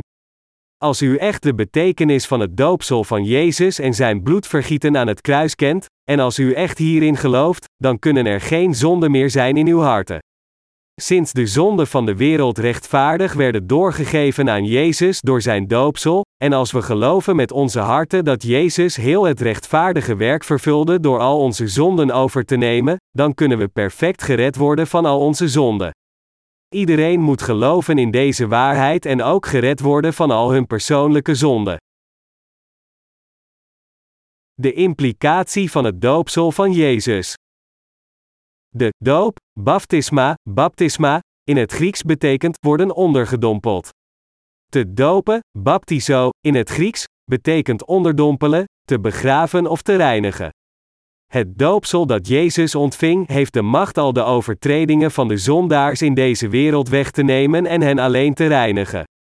Jezus dompelde zijn lichaam in het water van de rivier de Jordaan onder en werd gedoopt door Johannes de Doper in de vorm van het opleggen van handen. Dit was hetzelfde als het concept uit het Oude Testament, opleggen van handen, waar de handen op het hoofd van het offerdier werden gelegd bij het brandofferaltaar. Net zo, toen Johannes de Doper Jezus doopte, legde hij zijn twee handen op het hoofd van Jezus. Matthäus 3 vers 16 zegt verder, toen hij gedoopt was, kwam Jezus meteen omhoog uit het water. Dit betekent dat toen Jezus gedoopt werd door Johannes de Doper, hij het ontving in de vorm van volledige onderdompeling. Dit impliceert dat Jezus de zonde van de mensheid op zich nam, en dat hij uiteindelijk aan het kruis zou sterven en weer van de dood zou verrijzen. Dat Johannes de Doper zijn handen op het hoofd van Jezus legde betekent dat de zonden van de wereld inderdaad aan Jezus werden doorgegeven. Dat Jezus ondergedompeld werd in het water betekent zijn dood. Dat Jezus omhoog kwam uit het water betekent anderzijds zijn verrijzenis. Daarom, het doorgeven van onze zonde, onze dood en onze verrijzenis zitten allen ingesloten in de waarheid van het doopsel dat Jezus ontving van Johannes de Doper. Dat Jezus gedoopt werd door Johannes de Doper is de volbrenging van Gods zaligmaking beloofd in de statuten van het Oude Testament, waar het offerlam al de zonde van het volk van Israël voor eens en altijd accepteerde op de grote verzoendag waarbij de hoge priester zijn handen op het hoofd van het offerlam legde. Dat is waarom hoofdstuk 10 in het boek van Hebreeën verwijst naar het offer van de grote verzoendag en in detail de eeuwige verzoening van Jezus uitlegt. Op deze manier volbracht God de waarheid dat de zonde van deze wereld voor altijd en eeuwig UI twist. Door al de zonde van deze wereld op zich te nemen door zijn doopsel, door te sterven aan het kruis in plaats van ons zondaars, en door weer van de dood te verrijzen om het leven aan zijn gelovigen terug te geven, vervulde Jezus perfect de wil van de Vader. Vandaag is het waterdoopsel dat de gelovigen in Jezus doopsel ontvangen de bevestiging van onze zaligmaking van al onze overtredingen, en het is het teken van geloof dat aangeeft dat wij geloven in het doopsel van Jezus, zijn dood aan het kruis en zijn verrijzenis als onze zaligmaking. Ons waterdoopsel heeft daarom absoluut niets te maken met zijn doopsel. In Matthäus 3 vers 15 zei Jezus tegen Johannes de Doper, laat het nu maar gebeuren, want het is goed dat we op deze manier Gods gerechtigheid vervullen. Dit vers maakt het zeer duidelijk dat de reden waarom Jezus gedoopt werd was om heel de rechtvaardigheid van God te vervullen. Heel de rechtvaardigheid van God betekent de rechtmatigheid van God. Het boek van Romeinen verklaart dat wij absoluut zondeloos worden gemaakt door op deze manier te geloven. Dit is mogelijk omdat Jezus al de zonde van de mensheid accepteerde door zijn doopsel, en hij heeft dus alle zondaars van hun zonde gered. We moeten daarom geloven in de waarheid dat ons oprecht wedergeboren laat worden. Matthäus 3 vers 15 verklaart de kern van de zaak, het is voor mij gepast het doopsel van jou te ontvangen, en voor jou mij het doopsel te geven, om al de zonde van de zondaars van deze wereld uit te wissen. Dit is de ware rechtvaardigheid van God. Het is de ware reden waarom Jezus gedoopt werd door Johannes de Doper, en waarom hij later gekruisigd kon worden.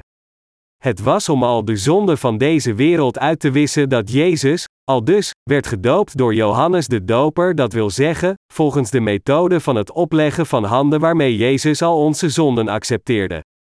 Daarom, om zondaars rechtvaardig te maken, werd Jezus gedoopt door Johannes de Doper als de eerste handeling van zijn publieke leven, en God de Vader prees hem hiervoor.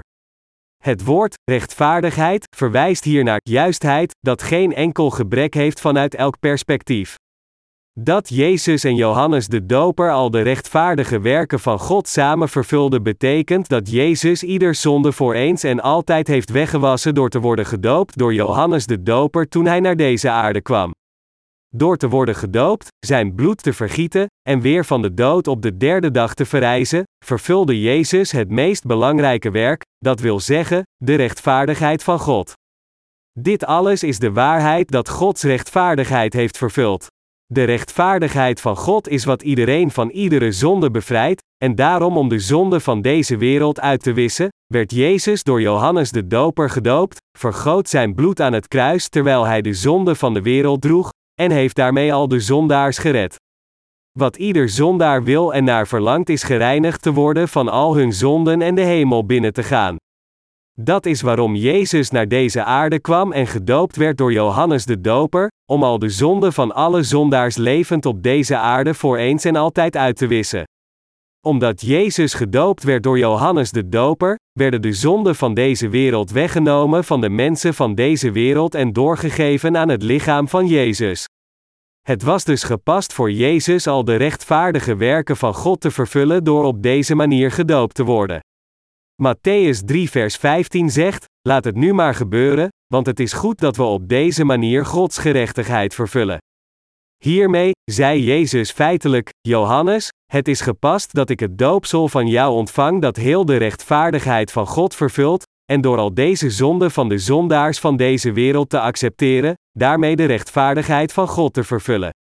Jezus zegt nu tegen ons: De Heer God heeft alle zondaars compleet van al hun zonden gered. Dit is de reden waarom ik kwam. Om deze rechtvaardigheid van God te vervullen, was het gepast dat ik het doopsel van Johannes de Doper ontving, en dat is waarom ik gekruisigd werd en weer van de dood verrees.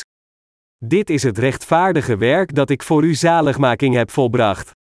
Zodat u nu zult geloven in Gods rechtvaardigheid. De methode die Jezus koos om ons van al de zonden van deze wereld te redden was door gedoopt te worden, zijn bloed aan het kruis te vergieten en weer van de dood te verrijzen. Door deze rechtvaardige handelingen volbracht hij de evangelische waarheid van het water en de geest voor ons. en aan al diegenen die geloven in deze evangelische waarheid, heeft Hij de ware zaligmaking gebracht, het eeuwige leven en de zegening Gods eigen kinderen te worden. We moeten beseffen dat dit het correcte en kostbaarste geloof voor ons is om gered te worden van onze zonde door te geloven in het evangelie van het water en de geest dat heel de rechtvaardigheid van God vervulde.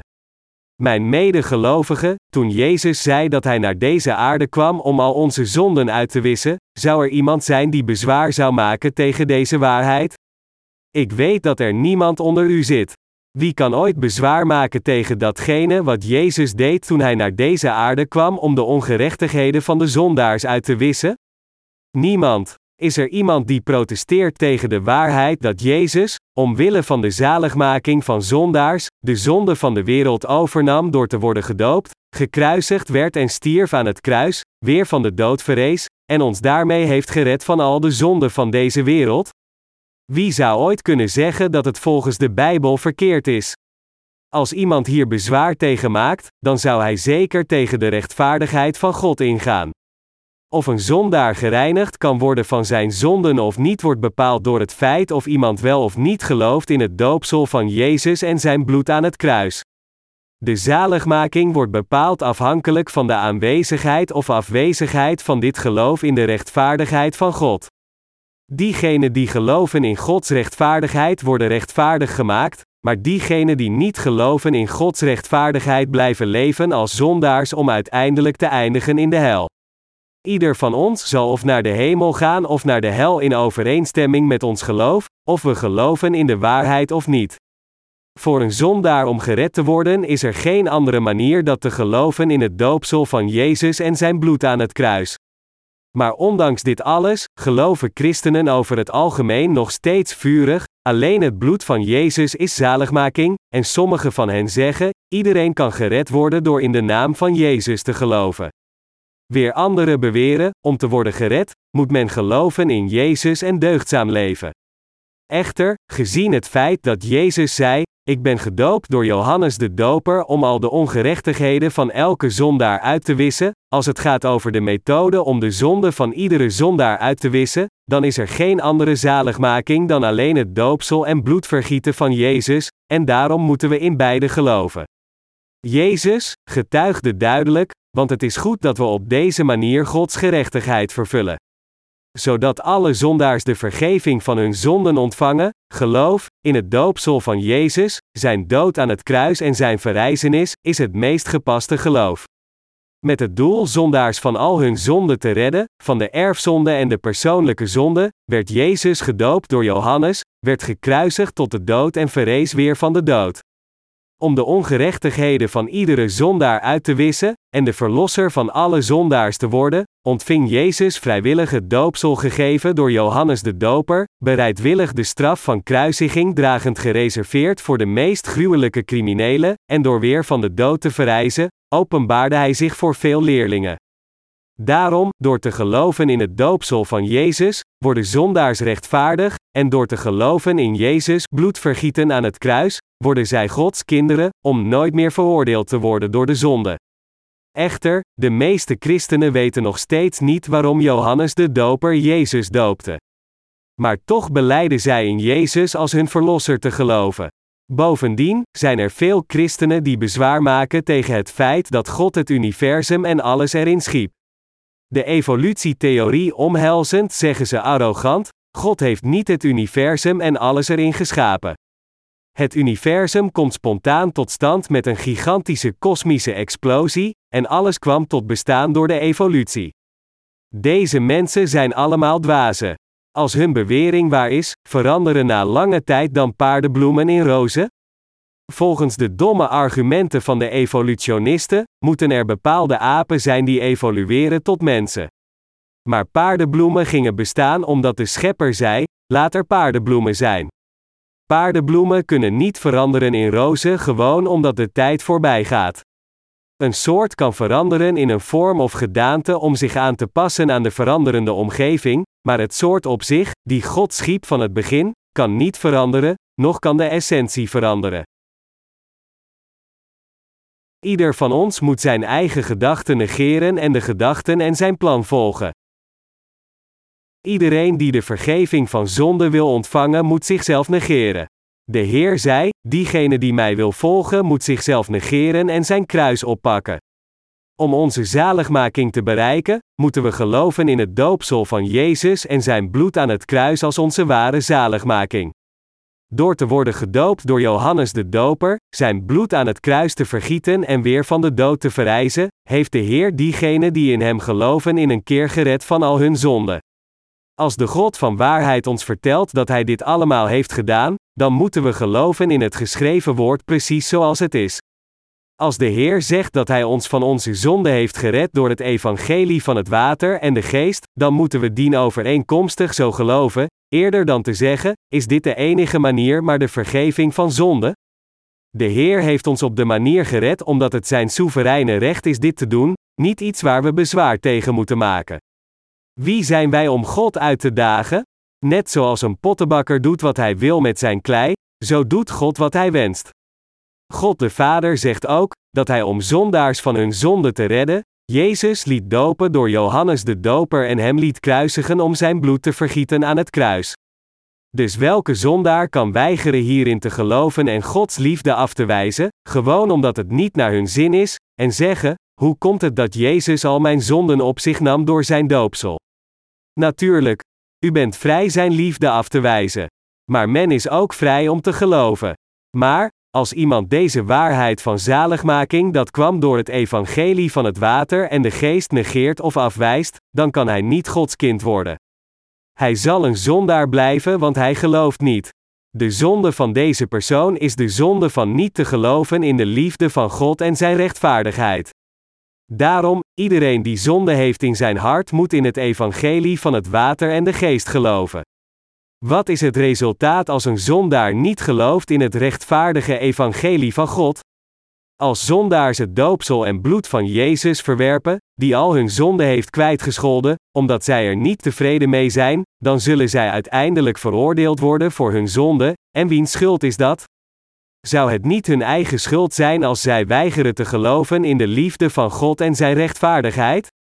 Jezus heeft naar ons toe niets verkeerd gedaan. Dit is omdat hij reeds al onze zonden accepteerde door het doopsel dat hij ontving van Johannes de Doper. Zou u geloven in de rechtvaardigheid van God, of zou u liever niet geloven en het tot het einde toe verwerpen, zelfs als u dan een zondaar blijft? Zijn uw harten gewillig het evangelie van het water en de geest te verwerpen? Ik moedig u daarom allen aan deze waarheid in uw hart te accepteren, om bevrijd te worden van uw zonde, en de werktuigen van Gods rechtvaardigheid te worden, zijn trouwe werkers. Geloof in het evangelie van het water en de geest. Gods zaligmaking zal dan naar u toekomen en de hemel zal vervuld worden in uw hart. Zoek het evangelie van het water en de geest op. U zult dan de evangelische waarheid van het water en de geest vinden precies zoals het is. Klop op de deur. Dan zult u de rechtvaardigheid van God ontdekken verborgen in het evangelie van het water en de geest, en de poort van de hemel zal voor u opengaan. Als u gelooft in het evangelie van het water en de geest waarmee Jezus zondaars heeft bevrijd, zult u de vergeving van zonden ontvangen en het geschenk van de Heilige Geest. Het is door te geloven in het evangelie van het water en de geest dat u rechtvaardig wordt.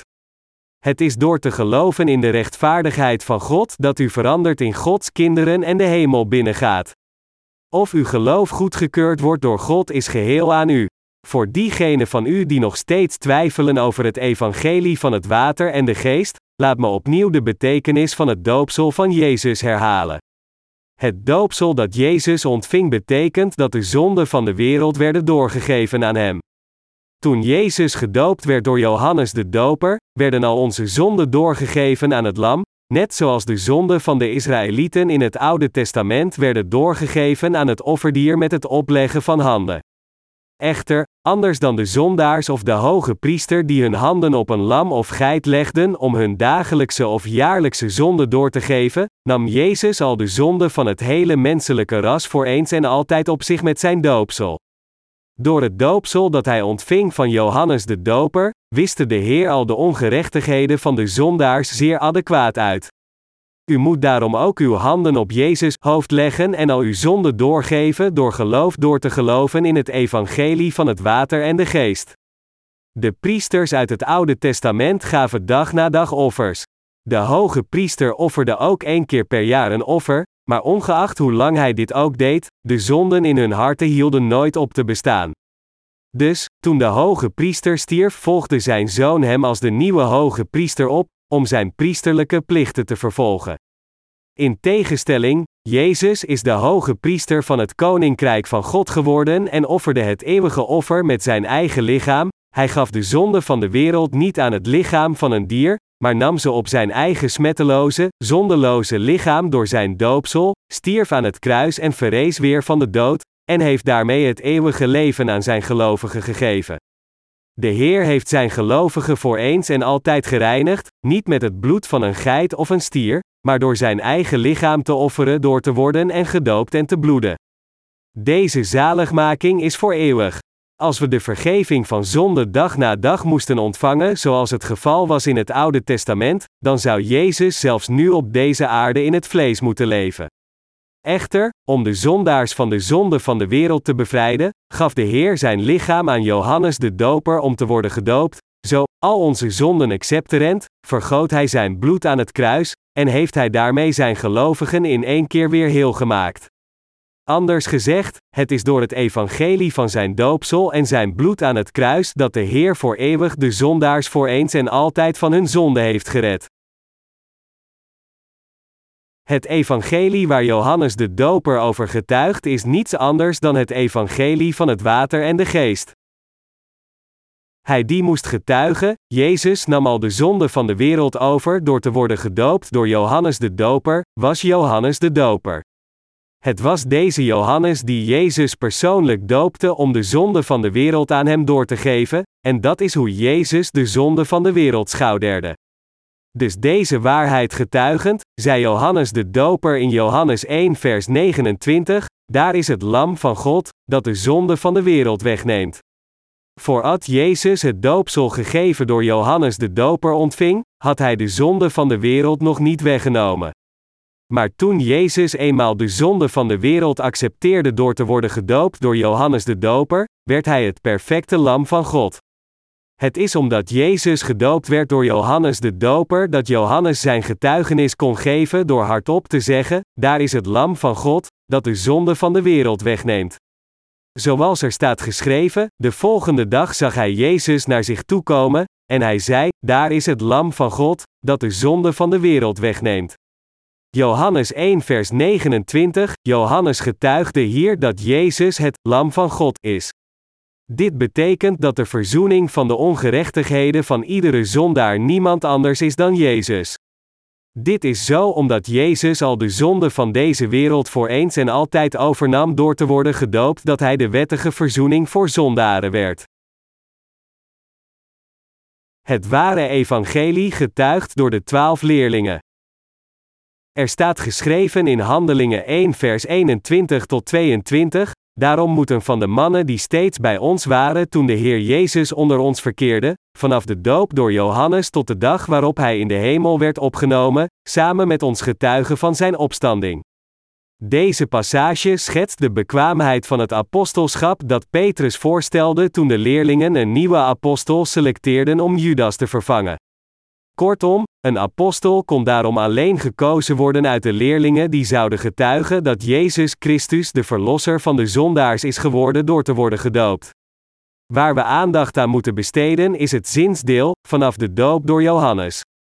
Met andere woorden, de nieuwe apostel moest iemand zijn die met Jezus had meegelopen vanaf het moment dat hij gedoopt werd, een rechtvaardig man die volledig wist waarom Jezus het waterdoopsel van Johannes de Doper ontving, en precies waarom Jezus aan het kruis stierf alleen een dergelijke man was bekwaam om een apostel te worden.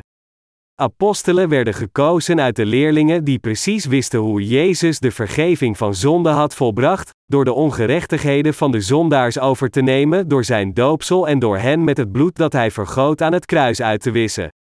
De apostelen, die Jezus leerlingen waren, predikten de boodschap over het doopsel van Jezus en zijn kruis. Al de apostelen predikten het evangelie van het water en de geest dat begon met het doopsel. Het doel waarom Jezus gedoopt werd door Johannes de Doper was zodat hij de verlosser van de zondaars kon worden. De apostelen van Jezus wisten dit allemaal en getuigden duidelijk hierover. Zij geloofden dat het een rechtvaardig werk was over het doopsel van Jezus te prediken, zijn dood en zijn verrijzenis en daarmee de zondaars van deze wereld van hun ongerechtigheden te bevrijden. Het evangelie van het water en de geest getuigd door de apostel Paulus. Laten we kijken naar Romeinen 6 vers 3 tot 5. Weet u niet dat wij die gedoopt zijn in Christus Jezus, zijn gedoopt in zijn dood? We zijn door de doop in zijn dood met hem begraven om, zoals Christus door de macht van de Vader uit de dood is opgewekt, een nieuw leven te leiden. Als we delen in zijn dood, zullen we ook delen in zijn opstanding. Immers, we weten dat ons oude bestaan met Hem gekruisigd is omdat er een einde moest komen aan ons zondige leven, we mochten niet langer slaven van de zonde zijn. Als we deze woorden lezen, wie die gedoopt zijn in Christus Jezus zijn gedoopt in zijn dood, betekent dat Jezus kon boeten voor al onze zonden omdat Hij al de zonde van de wereld door zijn doopsel had overgenomen. Als we geloven in Jezus als onze Verlosser, dan kunnen we volledig verenigd worden met Christus door te geloven in de waarheid verborgen in het doopsel dat Jezus ontving. Door heel de brieven van Paulus komen we zijn geloof in beide het doopsel en bloed van Jezus tegen. Net zoals het boek van Galaten Jezus doopsel noemt, zo vermeldt het boek van Romeinen beide zijn doopsel en bloed. Het boek van Efeziër spreekt ook over het doopsel van Jezus in hoofdstuk 4, zeggend: één lichaam en één geest, zoals u één hoop hebt op grond van uw roeping, één Heer, één geloof, één doop. Efezië 4 vers 4 tot 5. Het geloof dat Jezus al de zonde van de zondaars overnam toen hij werd gedoopt, en dat hij heel het loon van de zonde afbetaalde met zijn dood aan het kruis, is het ware geloof dat verenigd is met Christus. Hoe kunnen we verenigd worden met Christus? Het is door te geloven in het doopsel van Jezus en zijn kruis dat wij samen verenigd kunnen worden. Het geloof dat een zondaar verandert in een rechtvaardig persoon is het geloof dat verenigd is met Christus. Voor een zondaar de rechtvaardige werker van God te worden vereist dit geloof dat verenigd is met het doopsel van Christus en zijn dood. Het geloof dat de poort van de hemel opent is hetzelfde geloof, wetend en gelovend dat Jezus de ongerechtigheden van iedere zondaar overnam door te worden gedoopt en de veroordeling van zonden aan het kruis te dragen. En alleen als we zo geloven kunnen we verenigd worden met Jezus en de hemel binnengaan. Nu hij is opgestaan uit de dood om al diegenen die geloven in deze waarheid het leven terug te geven, in lichaam en geest, zit Jezus nu aan de rechterhand van de troon van de Vader. Als een zondaar met hart en ziel gelooft in het waterdoopsel van Jezus, dat hij de zonde van de wereld droeg, en zijn bloed aan het kruis vergoot, dan is hij goedgekeurd om zich met hem te verenigen door geloof. De Bijbel zegt dat de zonden van de wereld al de zonden zijn die het hele menselijke ras ooit hebben gepleegd en ooit zullen plegen van de dag dat ze geboren worden tot de dag dat ze sterven. Volgens de wet van God die verklaart dat het loon van de zonde de dood is, verdienen we het allemaal te sterven, maar we kunnen nog steeds van de zonde van de dood bevrijd worden door te geloven dat Jezus al onze zonden met zijn doopsel overnam en veroordeeld werd tot het kruis in plaats van ons zondaars. Deze waarheid is het evangelie van het water en de geest, waarin Jezus zijn leven neerlegde, gedoopt werd en zijn bloed aan het kruis in onze plaats vergoot, terwijl wij het waren die hadden moeten sterven voor onze zonden. Door dus zijn lichaam te offeren, droeg Jezus al onze zonden en betaalde het loon met zijn bloedvergieten. Laten we hier kijken naar Galaten 2:20. Ikzelf leef niet meer, maar Christus leeft in mij. Mijn leven hier op aarde leef ik in het geloof in de Zoon van God die mij heeft liefgehad en zich voor mij heeft prijsgegeven. God vertelt ons hier dat als we geloven in Christus doopsel en verenigd zijn met Hem, dan, door dit geloof correct te geloven dat onze zonden werden doorgegeven aan Jezus, kunnen we gekruisigd worden met Jezus. Daarom, diegenen die verenigd zijn met Christus door geloof zijn ook weer tot leven opgewekt met Christus. De apostel Paulus zei dat diegenen die met Jezus gedoopt zijn ook met Jezus gekruisigd zijn, en weer terug tot leven zijn gebracht in geloof. Het is omdat we hebben deelgenomen aan Jezus, doopsel, zijn dood aan het kruis, en zijn verrijzenis door geloof dat onze zielen weer terug tot leven zijn gebracht door hetzelfde geloof. Elke ziel die niet gelooft in de rechtvaardigheid van Jezus Christus is een dode ziel. Maar diegenen die geloven in de Heer verenigd met zijn doopsel zijn weer terug tot leven gebracht door geloof. Door wat kunnen de zielen van de rechtvaardigen weer leven? Door te geloven in het doopsel van de Zoon van God, zijn kruis en zijn verrijzenis kunnen zij verenigd worden met Christus en voor eeuwig van hun zonde gereinigd worden en opnieuw leven. Om zondaars te redden, nam Jezus al hun zonden over door te worden gedoopt en hen uit te wissen, en daarom is het door hierin te geloven dat wij verenigd kunnen worden met Christus. Al de rechtvaardigen in deze wereld zijn voorheen zondaars geweest die talloze overtredingen hebben gepleegd, maar door te geloven in het doopsel en bloed van Jezus de Zoon van God, werden zij wedergeboren en ontvingen een nieuw leven als de rechtvaardigen. Hebben de rechtvaardigen dan iets om over op te scheppen? Nee, ze werden rechtvaardig door te geloven in het doopsel en bloed van Jezus. Komt het door onze eigen verdiensten dat we gered zijn geworden van onze zonde? Nee, absoluut niet. Dat mensen zoals ons, die iedere dag persoonlijke zonde plegen, zondeloos zijn geworden, komt niet door onze eigen werken. Het komt door de werken van het doopsel van Jezus en zijn kruis. De Heer leeft nu in de harten van diegenen van ons die geloven in het evangelie van het water en de geest. Dat komt omdat er geloof zit in onze harten dat gelooft in het woord van het doopsel van Jezus, van zijn dood en zijn verrijzenis. Gelooft u helemaal in de waarheid van zaligmaking, dat Jezus al onze zonde heeft kwijtgescholden? Voor ons om in Jezus te geloven en Hem correct te volgen, moeten we onszelf als eerste negeren om de vergeving van zonde te ontvangen. Wie de Heer willen volgen, moeten zichzelf als eerste negeren, hij moet zijn oude ik negeren, zijn oude geloof, zijn oude kennis, zijn oude denkwijze, zijn oude waardesysteem en zijn eigen rechtvaardigheid. Er zijn zoveel zondaars die niet in staat hun eigen gedachten te negeren, niet gered kunnen worden van al hun persoonlijke zonden en rechtstreeks afstevenen naar de hel. Generaal Naaman, de bevelhebber van het Aramese leger van het koninkrijk van Aram, ging naar Gods dienaar om genezen te worden van zijn lepra. Op dat tijdstip vertelde Elisa de dienaar van God aan Naaman naar de rivier de Jordaan te gaan en zich zeven keer te wassen. Maar generaal Naaman weigerde de instructies van Elisa op te volgen zeggend, Denkt u dat de Abana en de Parpar, de rivieren in mijn land erger zijn dan deze Jordaanse rivier? Denkt u dat ik hierheen ben gekomen om een bad te nemen? Ik ben gekomen om genezen te worden van mijn lepra. Hij luisterde echter naar zijn dienaar die hem aanmoedigde te luisteren naar Elisa, instructies, zijn eigen gedachten negerend, waste hij zichzelf zeven keer in de rivier de Jordaan en zijn lepra werd dien ten gevolge genezen. Had generaal Naamen zijn gedachten niet genegeerd, dan was hij niet genezen van zijn lepra. Als we onze eigen gedachten niet negeren, maar in plaats daarvan onze levens van geloof leiden volgens de manier die wij gepast achten, dan zijn we niet in staat de vergeving van zonde te ontvangen. Iedereen, die niet zijn gedachten negeert en niet gelooft in het evangelie van het water en de geest, kan nooit zijn zonden uitwissen. Mijn medegelovigen, ongeacht hoe uw gedachten uw geest verduisteren, u moet hen negeren. Dat is de manier van leven. Mijn medegelovigen, waarom bent u zo licht geraakt, als u niets meer dan zondaars bent? Als God zegt dat Jezus al onze zonden op zich nam door zijn waterdoopsel en hen allen uitwiste door heel de veroordeling van zonden aan het kruis te dragen met zijn eigen bloed, dan hoeven wij alleen maar hierin te geloven en het in onze harten met dankbaarheid te accepteren. Waarom schreef God op hoe Hij ons van al onze zonden heeft gered? Hij schreef het op zodat diegenen uit de volgende generatie die gered moeten worden hun eigen gedachten zouden negeren, accepteren wat God voor hen heeft gedaan, en gered werden van hun zonde.